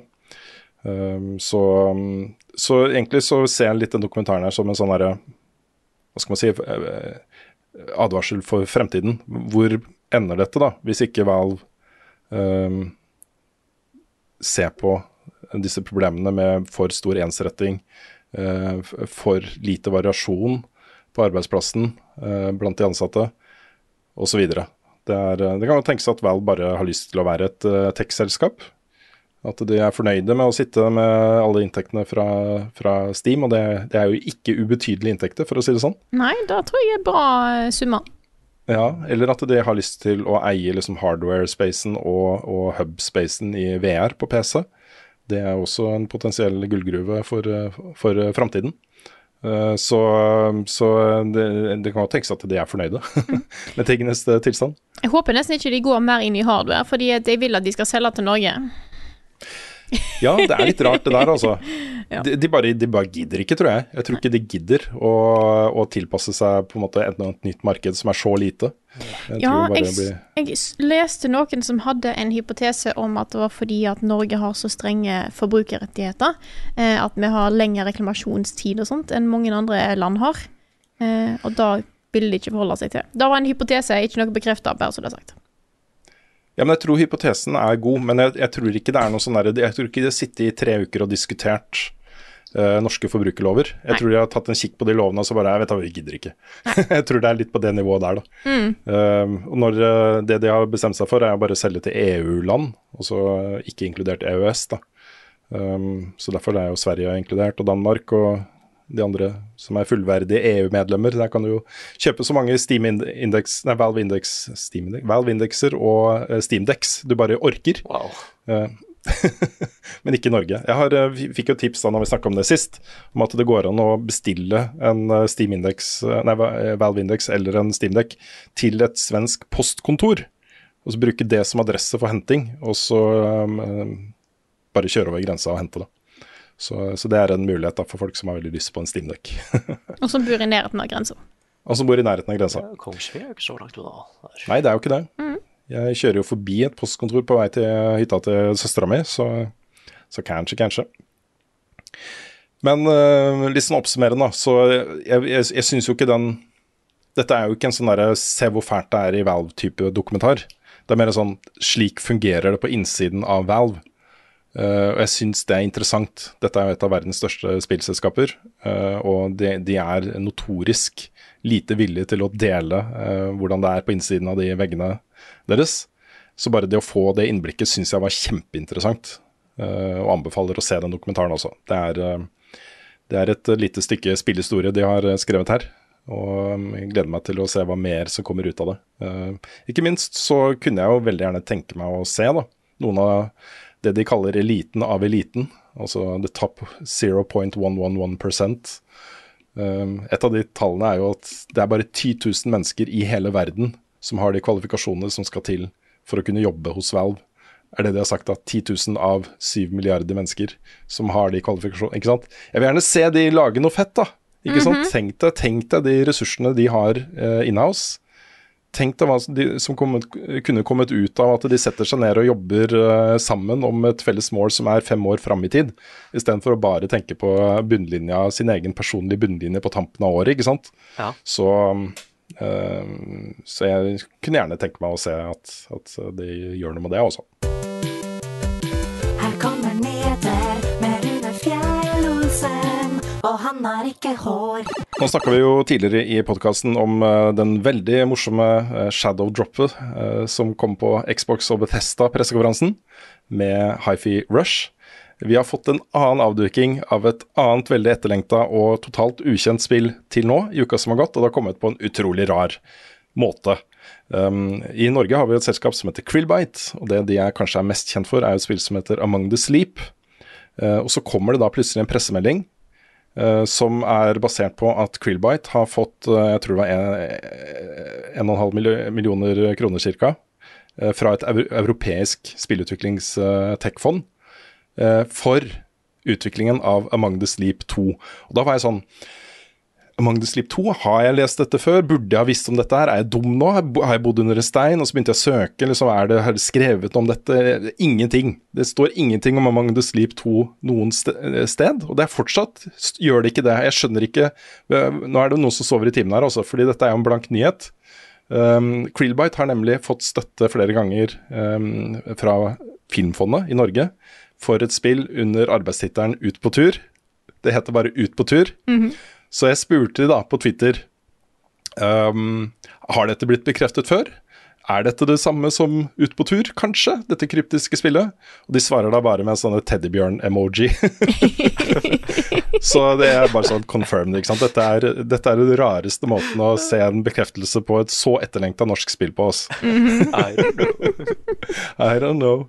Det, her kommer det jo sikkert en trailer og en uh, offisiell avduking uh, snart, vil jeg, vil jeg tro. Uh, det er jo innmari gøy, da. Jeg, ble ordentlig oppriktig glad for å se at de faktisk vender tilbake til det universet. uh, fordi det har så stort potensial. Uh, og norske utviklere har liksom en tendens til å være sånn fisefine på, på hva de skal lage. De vil helst lage noe helt nytt. De har ikke lyst til å lage en, en oppfølger. Eh, fordi de har lyst til å gjøre noe helt nytt, og de er liksom kreative og eh, de vil utvikle seg og prøve nye ting og alt dette her. Men eh, det er jo på en måte litt, litt den der oppfølgergreia er jo det som, som på en måte skaper et større publikum på, i veldig mange tilfeller. Det var jo sånn Dice ble store. De hadde jo et, et skytespill på midten av 90-tallet, eller slutten av 90-tallet, som Hva er det det het igjen? Jeg husker ikke, men det var samme grunnkonseptet som Battlefield. Eh, hvor eh, tanken var liksom at her skal du kunne fly litt rundt, og du skal kunne sette deg biler og skyte litt, og det var veldig åpent og uh, fri eksperimentering med, med spillbarhet. Og så kom Battlefield ut av det. Og så kommer Battlefield 2 og 3 og 4. Ikke sant? Det er en sånn måte å utvikle selskap på, hvor du har fans, en fanbase som vokser fra spill til spill. Og Among the Sleep blir jo trukket fram som en sånn indie-favoritt eh, internasjonalt også. Det er mange som har spilt det, mange som har streama det. Har kommet til masse nye spillere etter utgivelsen, i årene etter utgivelsen. Um, og med da de kunnskapene og ferdighetene som Krillbite har opparbeida seg de årene som har gått siden, med utgivelser som Mosaikk og, og sånne ting, så kan dette her bli liksom flere hakk bedre enn det Among the Sleep var. Og jeg syns jo Among the Sleep var et kjempebra spill, med litt sånn um, Vi er et ve veldig ferskt studio med lite erfaring barnesykdommer, som jeg nå forventer vil være helt borte, da. Uh, og da har du jo et uh, grunnkonsept hvor, uh, hvor du har et lite barn i en veldig skummel horrorverden. og alle de på en måte spennende kreative utfordringene som ligger i det. da. Det er, jeg ja, ble veldig gira på den announcementen, rett og slett, som ikke var en announcement. Det var en teddybjørn-emoji. Men det er nok for meg. Det er nok Du for har, meg. du har jo André, altså kult å se at uh, norske spillutviklere kommer med oppfølgere. Tesla Grad 2 kommer jo òg om ikke altfor lenge. Da gleder jeg meg veldig til. Ja, Der sov jeg faktisk i timen, for jeg hadde ikke fått med meg at det spillet hadde en Eller jeg har kanskje sett det og glemt det. En lanseringsdato. Det kom allerede i mars. Jeg trodde det var fortsatt litt sånn usikkert om det kom ut i år. Så derfor ikke jeg hadde snakka noe særlig om det i disse preview-sakene mine for 2023. Men dette er jo et spill jeg gleder meg masse til. Det er en akkurat, jeg kan si akkurat det samme om Rain Games der. Her har du et, et, et, eh, sterkt konsept i Tesla-grad uh, som de valgte å, å bare legge bort for å lage andre opplevelser, andre sjangre i samme univers etterpå. Uh, og nå vender de tilbake med en sånn entusiasme og skaperglede som eh, kan bety så mye da, for et sånn type eh, prosjekt, og det ser latterlig lekkert ut i alt jeg har sett av video. Så, eh, så nå får vi da plutselig et par oppfølgere til store norske internasjonale indie-suksesser. eh, Som kan være med på å få disse to selskapene og norsk spillbransje til å vokse. Så jeg syns dette er veldig positive og gode nyheter altså. I den samme tildelingen så fikk vi også litt, bitte litt mer informasjon om det neste spillet til Rock Pocket, som jo er også et sånn norsk indieselskap med litt sånn internasjonalt snitt. De ønsker å lage litt sånn større litt sånn konsollutgivelser. Det er det, det er på en måte DNA i selskapet deres er det, da. Og jeg, jeg var jo på besøk hos de eh, i eh, nye Spill-Norge-serien, som var før Level Up starta. Eh, Og da var jo store drømmen var å lage et, et 3D action adventure-plattformspill inspirert av Ratchet and Clank. Det var liksom det som var store drømmen deres. Og nå er det 2D Metroidvania da. de satser på. Det er et spill som heter Voidcast. Um, og da er vi inne i liksom Dead Space og, uh, og uh, Hollow Night-territoriet. det er et, uh, et spennende, spennende sted å være da, for en norsk utvikler. Så det også kan bli kjempebra. Det er veldig flinke folk som jobber der. Så uh, lykke til til det. Jeg gleder meg til, uh, til den offisielle announcementen og til å se litt av the Sleep 2. Det er utrolig gøy også, at de jobber med det. Da har jeg vært så spent på hva det er ute på tur Jeg burde jo nesten ha gjetta at det kunne være, være Det er så teit navn på et spill. Selvfølgelig heter det ikke Ut på tur. Hva skulle det hete på noe engelsk, liksom? Out, out on a hike? Out on a hike, ja. Project ut på tur. Ja, ja. Nei, så det var gøy. Um, vi har jo også en uh, pågående sak som, uh, som har store konsekvenser for hele spillbransjen, ikke bare spillbransjen i Norge. og Det er da dette oppkjøpet Microsoft prøver å gjøre av uh, Activision Blizzard. Um, der har jo jeg, jeg er ikke helt sikker på hvem som har saksøkt hvem her, men det går jo mot en faktisk liksom oppgjør i retten. Altså en, en, de skal inn i retten for å diskutere om Microsoft skal få lov til å gjøre det eller ikke. Hvor da motparten er uh, F, uh, FTC, FCC, FCC. Federal, Federal et eller annet trade uh, Og FTC, ja, ja, jeg tenkte ja, det, Jeg husker ikke. Det er også forbrukermyndigheten i USA, da. Federal Trade Som- Commission. Ja, Federal Trade Commission. Uh, nå skal de da inn og så skal de uh, diskutere om, om dette vil gi da Microsoft et monopol over spillmarkedet eller ikke. Uh, og der har de Den siste utviklingen der er at de har jo krevd, via rettspapirer fra Sony, at de skal avsløre hvilke spill de jobber med. okay. Det kan hende at Sony faktisk blir pålagt å vise, lenge før de har tenkt å, å presentere det på en pressekonferanse eller en State of Play, ikke sant? Hva, hvilke spill de forskjellige selskapene faktisk sitter og jobber med. Der er det jo veldig mye som ikke har annonsa ennå. Massevis av greier som, eh, som sikkert er et stykke unna eh, en trailer, f.eks., eller en pressemelding. Så, så det blir spennende å se om de blir eh, faktisk pålagt av, av retten å gjøre det. Eh, Da kan det bli gøy, altså. Eh, Sitte her og kose seg med popkornet. Nei, det er en spennende sak, rett og slett. Jeg, um, det, jeg aner ikke hvor dette kommer til å ende. Jeg, hvis jeg skulle gjette, så ville jeg jo si at Microsoft kommer til å få lov til å kjøpe opp Activision Blizzard til slutt. Um, men uh, jeg vet ikke. Jeg er kjempe, kjempespent. Du vil jo få lignende type saker i Europa også. Er jo også snakka om at de skal eh, se på saken, så, så spennende. Ikke overraskende for meg, i hvert fall. Eh, ikke for mange andre heller, tror jeg. Eh, Marvels Avengers blir eh, lagt ned. Ja. Dette var, dette var jo dette Games as a Service-spillet til Crystal Dynamics, som jo skulle gå liksom Destiny og alle disse spillene i næringen og levere en sånn game, en sånn hobbyopplevelse fra Marvel-universet. Um, der vil da siste oppdatering til det spillet komme 31.3, og så vil serverne stenges etter eh, september. Jeg har jo spilt det litt, men jeg har ikke fulgt med på disse oppdateringene som har kommet, og sett hvordan spillet har utvikla seg. Jeg vet de hadde en sånn periode i fjor høst hvor, eh, hvor de hadde en liksom, Nå kan du teste det gratis og et eller annet for å prøve å lokke folk tilbake. Uh, uten at det var effektivt. da. Har du spilt det, Nick? Eller jeg måtte jo teste Spiderman, jeg, da, for jeg hadde jo jo. faktisk spillet. Men eh, nei, det, det er så dumt, for jeg syns ideen og det vi så først, var så fin. Ja, det er som et singleplay Marvel-spill, liksom. Før vi visste Mm. at det var eh, Games as a Service. Så jeg Ja. den demoen fortsatt var veldig kul. Den med liksom teamet på brua og sånn, hvis dere husker den. Mm. slåss mot Taskmasteren og sånn. Jeg syns, jeg syns det, det virker så fett, men så måtte de tulle og tøyse med det systemet her. Nei, så Det måtte vel gå som det måtte gå, antar jeg. Det var vanskelig å få noen sånn skikkelig god hook på hvorfor man skulle fortsette å spille, syns jeg da. For jeg syns uh, intro-campaignen der var ganske ok. Ja. Det var gøy å spille som Miss Marvel, og det var, eh, det var elementer der som jeg syns var fine, da.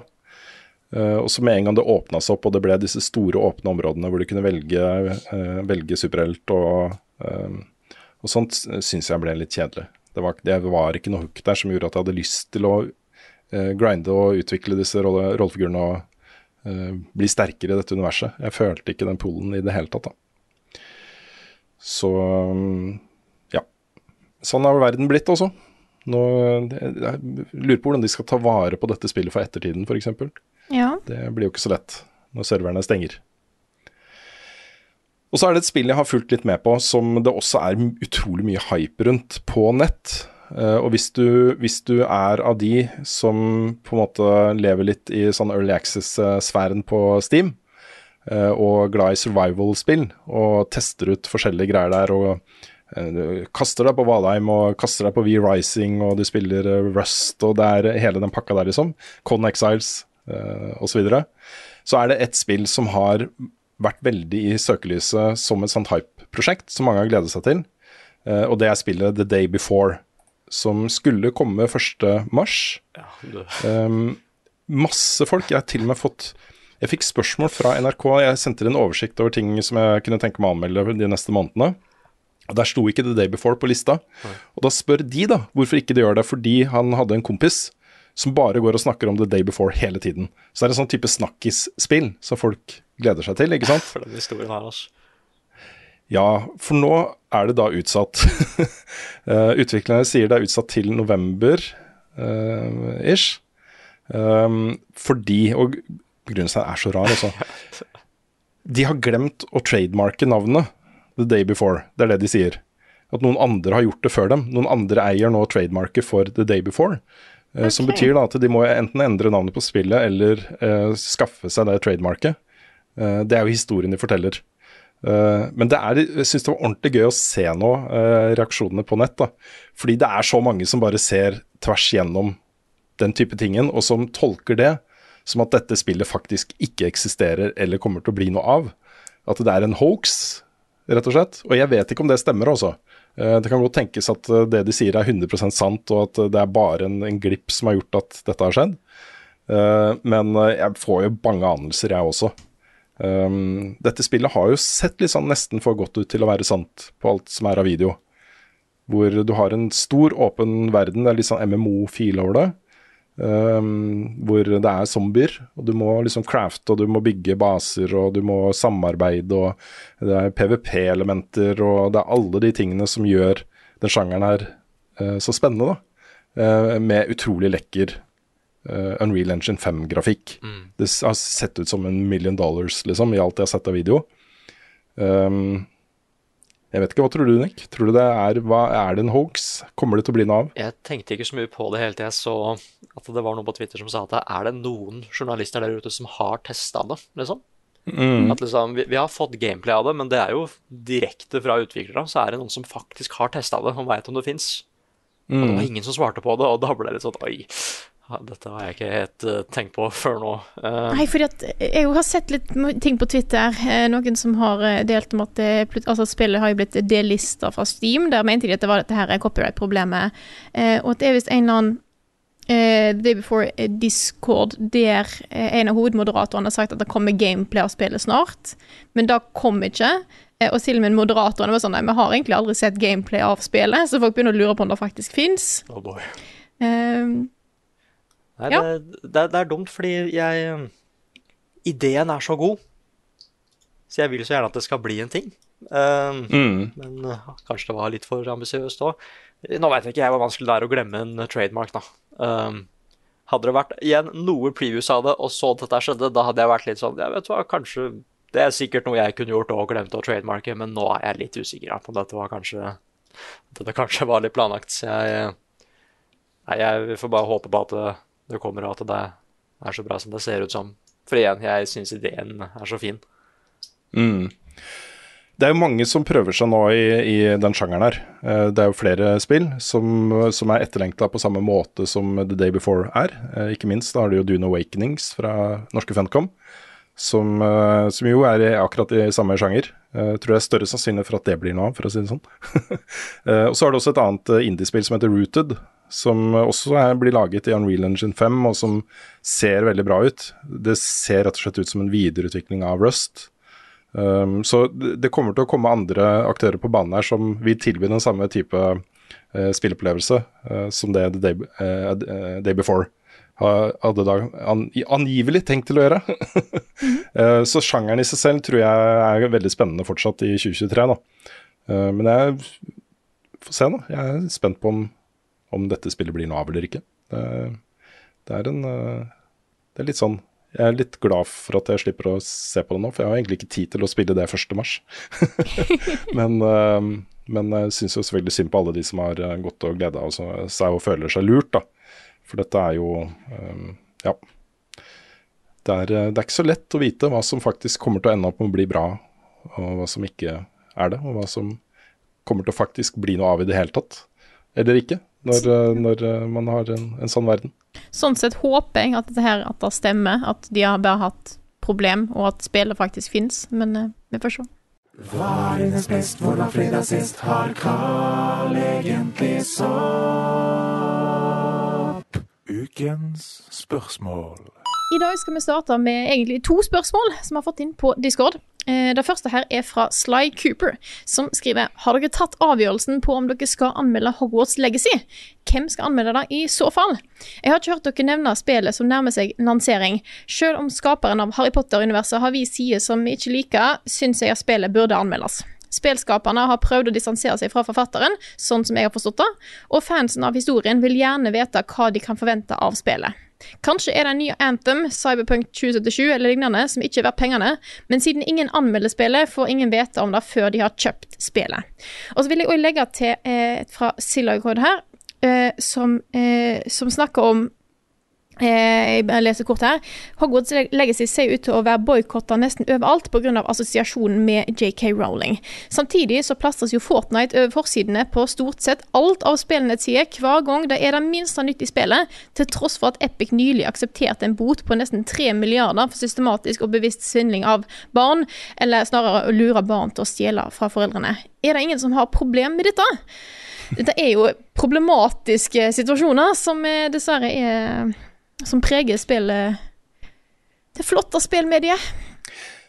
Ja, for det første, da, det eh, ene poenget til, eh, til Sly Cooper. Eh, Vi har jo snakket ganske mye om Hogwarts Legacy, syns jeg, da. Eh, Hvor du hadde jo det på din topp ti-liste over ting du gleda deg til i 2023, Nick. Ja, stemmer. Um, og jeg, jeg tror kanskje det han mener, er at vi ikke er like sånn Her er ny gameplay fra Hogwarts Legacy, og bare plastrer det utover alle våre kanaler. Det, det er nok en ganske bevisst handling fra vår side. At ikke vi kanskje er like med på det hypetoget som vi er på en del andre spill. Det, det tror jeg er et poeng. Um, men jeg vil egentlig bare svare på disse spørsmålene for å bare nok en gang eh, poengtere vår holdning til denne type ting. Jeg syns, eh, jeg, jeg syns poenget til Silacoid er ganske interessant, for ja, eh, skal man begynne å se på etikk og moral på alle produktene vi forbruker, så er det mye vi kan ta tak i. altså. Alt fra hvilke telefoner vi kjøper, til hvilke klær vi går i, til eh, holdninger til kvinner uh, osv. Jeg anmelder jo Season for NRK nå. Dette er jo selskap som har vært gjennom store eh, En sånn kjempestor sak med varsler fra ansatte om en sjef toppsjef i det selskapet og kreativ leder for dette spillet, som da ble fjerna fra sin rolle der fordi eh, pga. oppførsel på en fest og diverse greier. ikke sant? Og Den type saker er hele tiden. Eh, vår holdning til det er at dette skal vi snakke om, dette skal vi ta opp. Noen ganger også i forbindelse med anmeldelser. Eh, men det er sånn jeg, jeg mener det er prinsipielt viktig å eh, skille kunst og kunstner. Det er et sånn grunnprinsipp når man skal anmelde noe, så skal man anmelde det produktet. Og der er det så mange eksempler på ting som er problematisk. Alt fra liksom en av tidenes beste sci-fi-bøker, Enders Game, skrevet av en riv ruskende gal Orson Scott Card, eh, til Canny West, eh, som har lagd noe av verdens beste musikk, eh, og som sitter og hyller Hitler på intervjuer. Det er, liksom, det er så mange da, sanne issues, og da mener jeg rent prinsipielt at at som, i hvert fall som redaksjon, som en sånn overbyggende, et overbyggende prinsipp, så skal man skille kunst og kunstner. I selve Men- anmeldelsen. At anmeldelsen, anmeldelsen. eh, Ja, ja. ikke skal være prega av det. Ja. Men vi har jo nyhetsflater som denne. eh, Vi har uh, Spilluka. Vi har andre sammenhenger hvor vi også tar opp og diskuterer temaer vi mener er viktige for spillmediet, som ikke alltid er positive. Ikke sant. Uh, samtidig da, så har jeg veldig respekt for at folk er forskjellige, at folk vurderer etiske motsetninger forskjellig, og at noen da f.eks. Uh, ikke har lyst til å spille Hogwarts Legacy uh, pga. Uh, transuttalelsene til Rowling, syns jeg er helt legitimt. Det får de selvfølgelig lov til. Og jeg vil ikke pålegge noen anmeldere hos oss til å anmelde noe, eh, selv om de ikke vil eh, basert på disse tingene. Jeg syns det er viktig at eh, også en anmeldelse er subjektiv. Eh, du kan ikke helt skille kunst fra kunstner som privatperson. Eh, og noen ganger så vil det også påvirke din konkrete holdning til, eh, til eh, et produkt. da. Om det er en film eller spill eller musikk eller TV-serie eller bok eller hva det skulle være. Så, så det har jeg veldig respekt for. Og Derfor så har jeg også full respekt for at du har lyst til å anmelde det, Nick. Eh, jeg skal også anmelde det for NRK, kan jeg nå avsløre. Jeg tror nok de følte seg litt tvunget til å gjøre det. Jeg også følte litt sånn at når denne debatten begynte å liksom blusse opp, og jeg sa det, at, at hvis NRK spør, så kan jeg selvfølgelig anmelde det. Og det mener jeg helt seriøst, altså. Når jeg anmelder det, så kommer scoren til å være basert på hva jeg syns om fakt det faktiske spillet. Jeg kommer helt sikkert til å nevne uh, min mening om, uh, om uh, rolling i, i teksten på en eller annen måte. Men den, min faktiske konklusjon vil være basert på, på spillet. Og så syns jeg det er viktig da, å flagge for leserne av NRK at dette mener jeg om dette, og så kan du vurdere selv da, om det har farga min uh, vurdering av, av spillet. Det er sånn full disclosure. Sånn er det med alle andre ting i journalistikken. Hvis det er koblinger, eller uh, ting som kan gjøre journalisten forutinntatt, uh, så skal man informere om det. Sånn som vi informerer om når vi har vært på en betalt tur f.eks. Sånn har betalt regninga for at vi skal dra og intervjue disse utviklerne, så må vi informere om det. Eller når vi snakker om Telia-ligaen, så må vi informere om at jo, det er Good Game som eier både oss og Telia-ligaen. Um, eller hvis vi snakker om Komplett, at vi har en sponsoravtale med Komplett. Så, så dette er et vanlig journalistisk prinsipp. Um, jeg, har ingen jeg har ingen sympati med de som mener at, at man skal bare skille det helt av. Ikke nevne det engang, ikke snakke om det. det. Dette har ikke noe med spill å gjøre, dette er bare underholdning, og det er det ikke. Spillet er ikke noe vakuum. For det, hun, hun tjener på det økonomisk, på spillsalget. Ja, sant? Og det, det, det, det er den koblingen for meg som Selv om hun ikke er involvert i spillet, så er det den koblingen som, som eh, eh, jeg er opptatt av, da. Ja. Og så vil jeg også si at jeg, har ikke lyst til å Jeg er uenig i de som mener at, at alle som spiller det, er transfobiske. Jeg, jeg, jeg, det er jeg ikke enig i det hele tatt. Jeg syns dette er en individuell sak, og jeg mener at det er fullt mulig å både lese Harry Potter-bøkene og se filmene og spille dette spillet og være uenig med JK Rowling. Um, men hvis du føler at det blir for problematisk, så har jeg også full respekt for det. Uh, beste eksempelet jeg kan komme på der for min del, er uh, da min uh, førstefødte ble født. Da dattera mi ble født. Så gikk jeg og hørte på ustanselig, både i ukene før og også i perioden etterpå, på albumet My Beautiful Dark Twisted Fantasy av Kanye West. Det er på en måte soundtracket til fødselen av mitt første barn. Det er ikke så lett for meg å høre Runaway akkurat nå. Altså. Jeg, når jeg, den dukker opp i spillelister eller på radio, eller noe sånt, så, så gjør det litt vondt inni meg. Også at det er kobla nå til personaen Canny, som, øh, som jeg er fullstendig øh, Selvfølgelig. jeg, det, jeg syns det er helt forkastelig, de tingene han sier om jøder, om Hitler, om de tingene der. Og det, sånn er det bare, liksom. Altså, det, det, er, det må jeg forholde meg til som menneske og som privatperson. Um, og det, sånn er det for, for mange andre på mange andre temaer. Um, og det er en naturlig del av det å være et menneske, rett og slett. Mm. Ok. vi, vi skal fortsatt diskutere litt, og jeg vil også nevne, da Nå blir det litt lengre enn jeg hadde tenkt. Men når jeg sier at dette er et tema vi skal diskutere på bakrommet og sånne ting, så er det mer hvordan skal vi dekke det.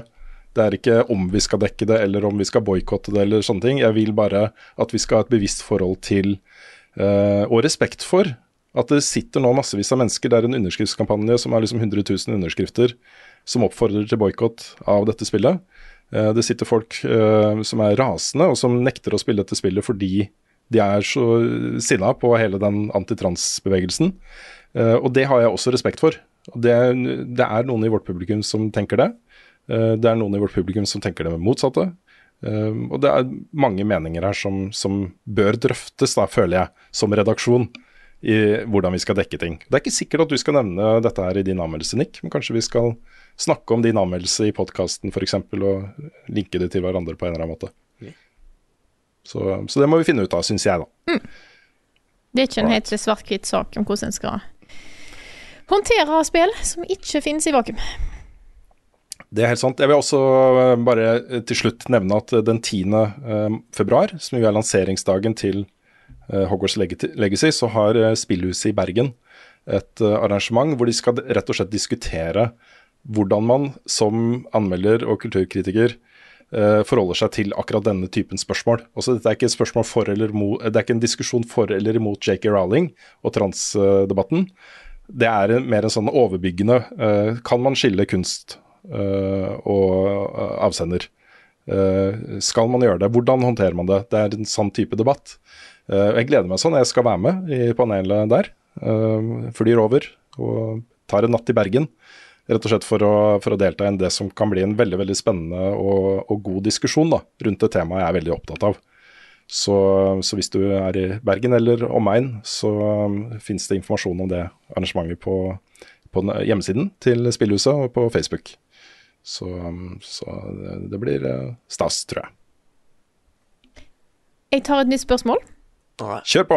Eh, dette er fra Andreas Simonsen. Han spør hvor får dere tak i musikken og lydene til videoene dere lager? Betaler dere for copyright-rettigheter, eller bruker dere musikk uten copyright?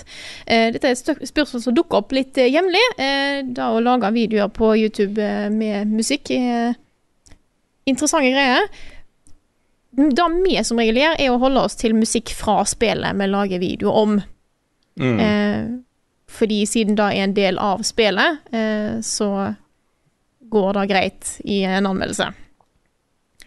Ja, som regel så går det greit. Ja. Det, det, går også som regel greit å bruke musikk fra andre spill som mm -hmm. passer til det man skal uh, uh, snakke om. Ja, det er bra, for jeg gjør det hele tida.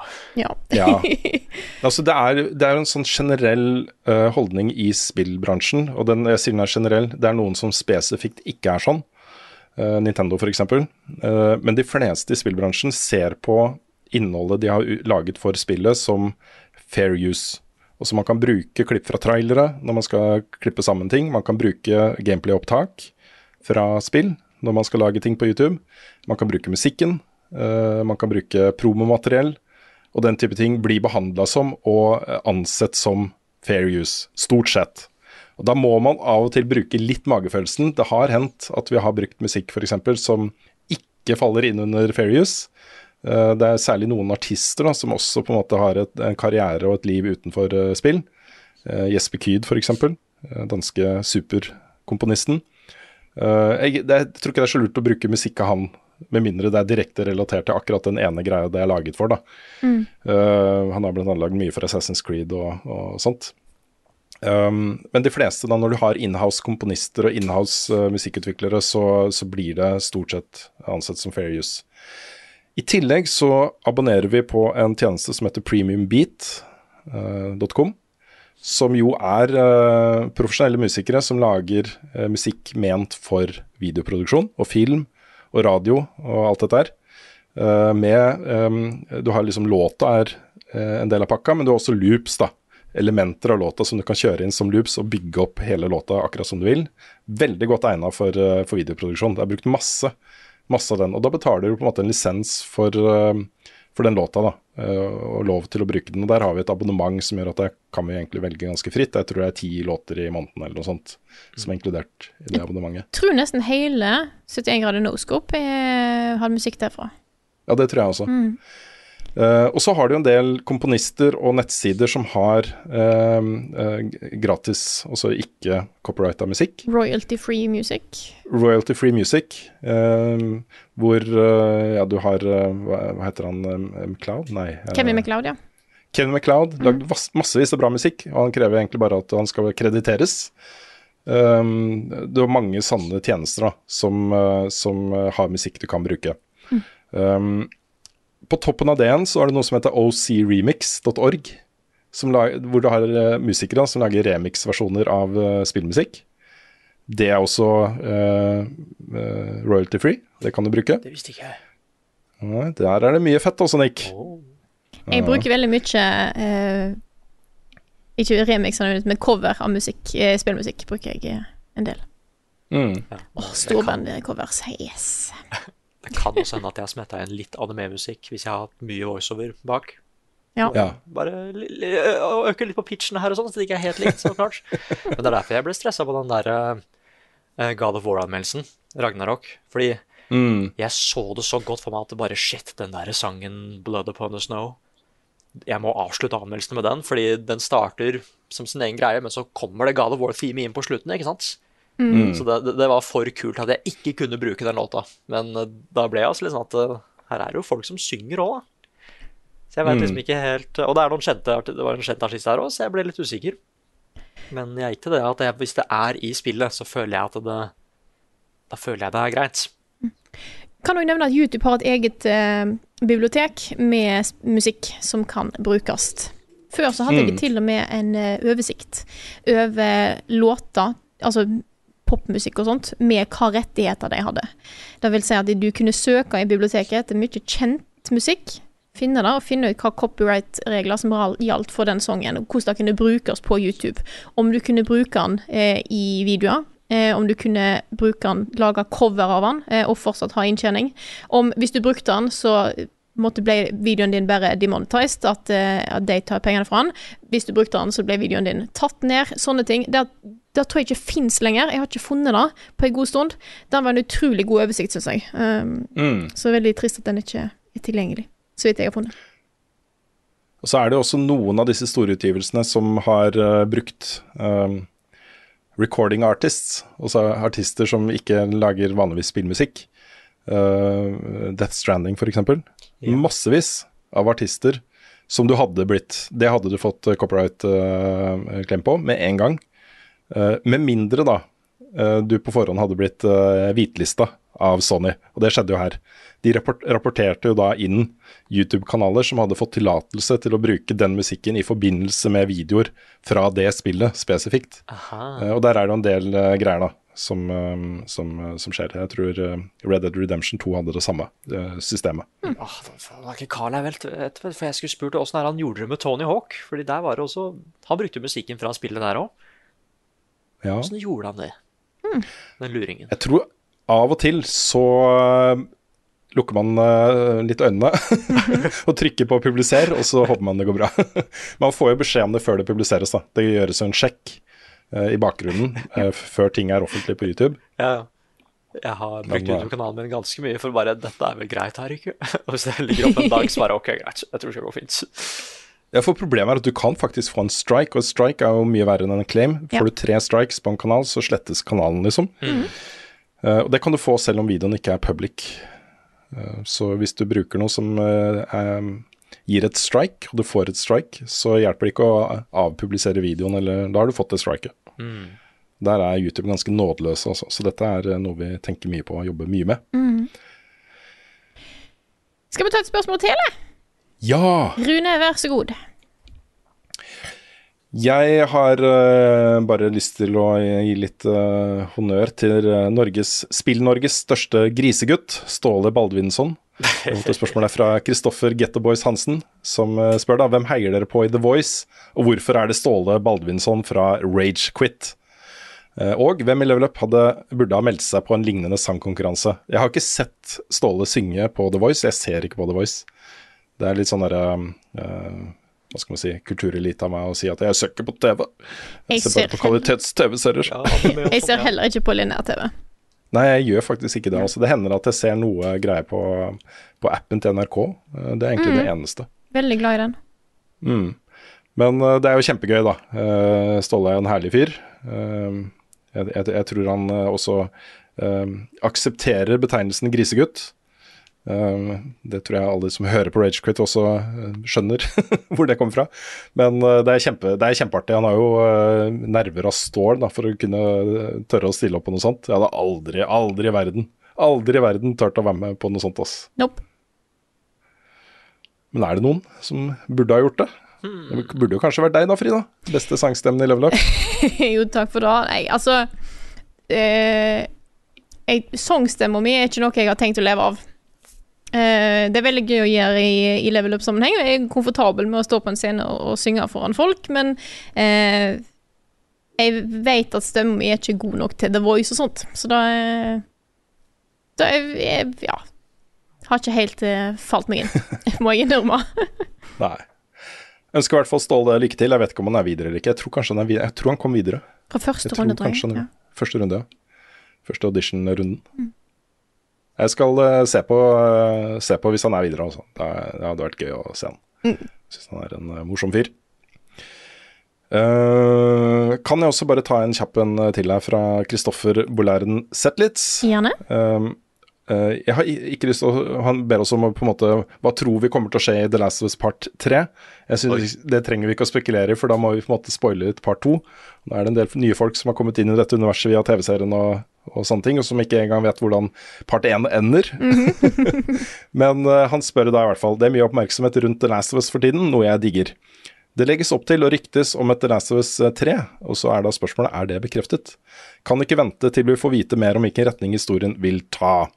Eh, og det eneste Jeg har sett uh, Neil Druckman ble, har blitt intervjuet mye da i forbindelse med TV-serien, Uh, hvor han da for det første poengterer at det er allerede et nytt The Last of Us-spill som er avduka, annonsert og vist fram greier fra, og det er jo dette multiplayer. Apropos da, The Day Before. Mm. Dette er jo et survival MMO. Co-op, multiplayer-spill. Er det, er det Lagt- faktisk MMO? Har de sagt det? ja, MMO-elementer tror jeg de har, har nevnt. At du, det er en sånn persistent verden hvor du, eh, hvor du kan teame opp med et crew, og det, det høres veldig ut som Rust, da, men i The Last of Us. Mm, ja, fordi den Last of Us multiplayeren, den var bra, altså. Mm.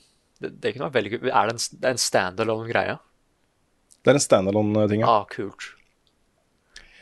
Ja, det er veldig kult. Jeg husker vi snakka om det allerede med part 1, så diskuterte vi liksom potensial for, eh, for noe mer som multiplayer. Ok, her har du Joel og Ellie og alle disse personene du har møtt, da. Men det er jo en ganske stor verden, dette her, med mange sånne eh, lukka communities som, som eksisterer rundt omkring. Eh, hva om du er en del av en av de andre? Hva er din historie i dette universet? Der ligger et, en mulighet og et potensial her som er ganske stort, altså. Eh, De sier også da at dette spillet vil ha mye eh, historie. Altså De skal også fortelle en historie. Det blir ikke en ren uh, multiplayer-ting. Eh, det er også jeg spent på hvordan dere har tenkt å gjøre. Så, så veldig veldig spent på det prosjektet. Men han sier også at de jobber med eh, ting som de er utrolig oppglødd over, men som de ikke kan snakke om ennå. Uh, og er, jeg er jo 99,9% sikker på at et av de prosjektene Naughty Dog nå eh, jobber med, er The Last of Us Part 3. Det, alt annet ville overraska meg stort, så, så vi kommer nok til å få en, en announcement på det snart. Kanskje i forbindelse med rettsoppgjøret rundt eh, oppkjøpet til Microsoft. det vil, vil ikke overraske meg om det er en av titlene som dukker opp på en liste da, hvis Sony må avsløre hva de jobber med. Mm -hmm. Det Microsoft prøver på her, er jo å tegne et bilde av hvor sterk konkurranse de kommer til å møte av Sony i årene framover, ikke sant. Ja, ja. Så The Last of Us Part 3 er nok, er nok noe Microsoft kunne tenke seg å møte eh, og konkurrere mot, eh, ved å da kjøpe opp selskaper. Ja, hvor store kan gå hen, alle det er jo Nick, har du Ja. et eh, spørsmål? Jeg har et uh, raskt et. Ja. Eller det er ikke sikkert, men jeg, jeg, et morsomt spørsmål i hvert fall, fra Kjaus på Patreon. Kjaus. Kjaus. Som spør Kjaus? Kjaus, tror jeg det er. Ja, det var close enough. Skal vi se. Eh, I hvilke spill syns dere det er best bevegelse? Da tenker jeg på følelsen av flyt og kontroll over karakteren. Kan være hvilken som helst sjanger. Da må jeg først si at uh, går darn til det bevegelsessystemet i Spiderman Et av de Mm. få spillene hvor jeg har gått tilbake igjen bare for å svinge meg rundt og høre på podkast og sånn. Så det liker jeg Ja. godt. Men det, jeg tror nok det systemet jeg syns jeg har best kontroll over karakteren, kanskje er eh, det i Super Smash-spillene. Jeg har så god Mm. kontroll på den Pikachuen der, altså. Jeg føler liksom at det, det er så Det er veldig mange spill hvor jeg føler at fingra mine er kanskje litt for raske til hva spillet egentlig skal gjøre. Men ikke i Super Smash, da. Der føler jeg at det, det, det, er, det, er hva er det det heter? Det er ikke Det er så responsivt, er det det det er? Ja. Ja, det er akkurat det det er. At uh, mm. ting går så smooth. Og jeg føler at uh, hvis jeg gjør noe gærent, så var jeg bare ikke rask nok selv, på en måte. Så jeg må nok si Mm. Super Smash Spiderman er høyt oppe, men uh, Smash Bros er nok det med det beste. Den beste flyten, syns jeg. Jeg tror jeg kanskje går mot spill som Ori. Ja. Mm. For da får du på en måte Jeg føler sånn som Ori, The Blind Forest og Will of the Wisps har en En ting er kontroll, men det er spesielt den biten med flyt som jeg setter pris på. At Mm. jeg kan gjøre ting kjapt og elegant og kaste meg fra en plass til en annen uten problem. Eh, og få alltid veldig en sånn glidende, flott bevegelse eh, som fortsatt er kontrollert. Da føler jeg jeg får i ordet i spillet. Mm. Jeg vet ikke. Jeg synes det er så Dette er jo sånn sentralt designelement i mange av de spillene jeg liker best. Er jo at det flyter bra. Eh, Det er jo på en måte et kjennetegn ved et eh, bevegelsessystem og et animasjonssystem og en interaksjonssystem som faktisk er bra, det er jo at det flyter, flyter godt. Der er det ganske mange eksempler, så da blir det jo litt sånn eh, preferanser og sånne ting. Men jeg vil jo si at den flyten du oppnår i Sekiro ved hjelp av den grappling-hooken, Um, hvor det ikonet for når du kan grapple til ting, er liksom lagd på samme måte at du ser det, uansett om du faktisk ser på det eller ikke. Det popper opp i liksom bevisstheten din at nå kan du grapple til den tingen som er der oppe. Og så er det bare én knapp, og så gjør du det. Og så er du på en måte videre i en sånn utrolig fin flyt. da. Det syns jeg funka dritbra, altså, for det kan du liksom bare fise gjennom en del av områdene og være skikkelig supersamurai. supersamurai. Eh, sette i gang attacks ikke sant? etter å ha grappla, så kan du slippe, og så kan du sette i gang attacks i lufta. Det er så mange fete ting du kan gjøre da, basert på den bevegelsesfriheten der. Uh, så den har jeg veldig sansen for. Og så vil jeg si at min favoritt kan også være ting som egentlig ikke funker, men hvor du, når du får det til, så er det så sjukt tilfredsstillende at det føles godt, sånn som Mirror's Edge, for eksempel. Mm, ja. Utrolig kjipt system, egentlig. Men når du får det til, når du liksom kommer gjennom en lang sekvens på et par minutter som bare er parkour Parkour! Parkour! Sant? Så, så øh, føles det bare så godt. Det føles så sjukt godt. Uh, det føles jo da ikke godt når du mister akkurat den ene kanten du skulle ha truffet, og så deiser i bakken, liksom. Men, uh, men uh, når det flyter, så flyter det utrolig bra, altså. Ja, det er sånn Av akkurat samme grunn, ikke at det er clunky, det er ikke clunky, dette funker dritbra fra start av, men eh, Celeste, det er en Ja. sånn når da flyter, så flyter det. Mm. Å, shit. Da, da vil jeg si SSX også. Ja. Å, for et bra svar. Det føles godt i fingrene da, på, med håndkontrolleren. Oi, oi, oi.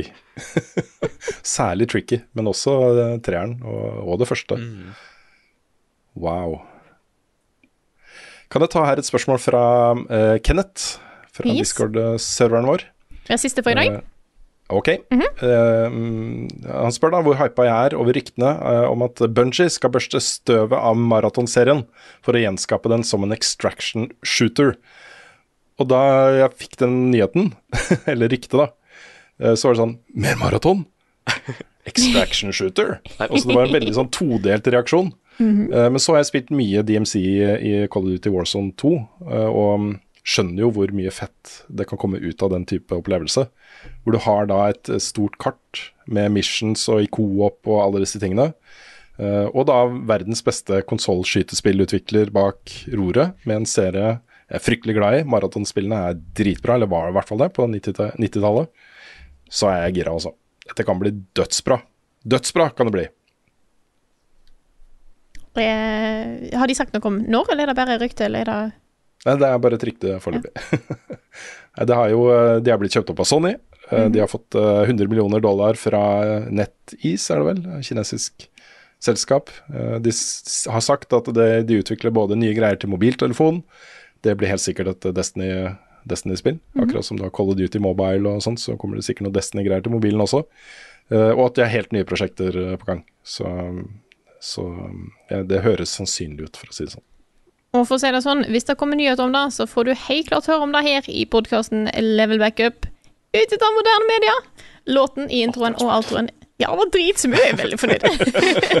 Låten i introen og outroen er skrevet av Ole Sønnik Larsen og arrangert og framført av Kyoshu Orkestra. De nye vignettene våre er laget av fantastiske Martin Herfjord.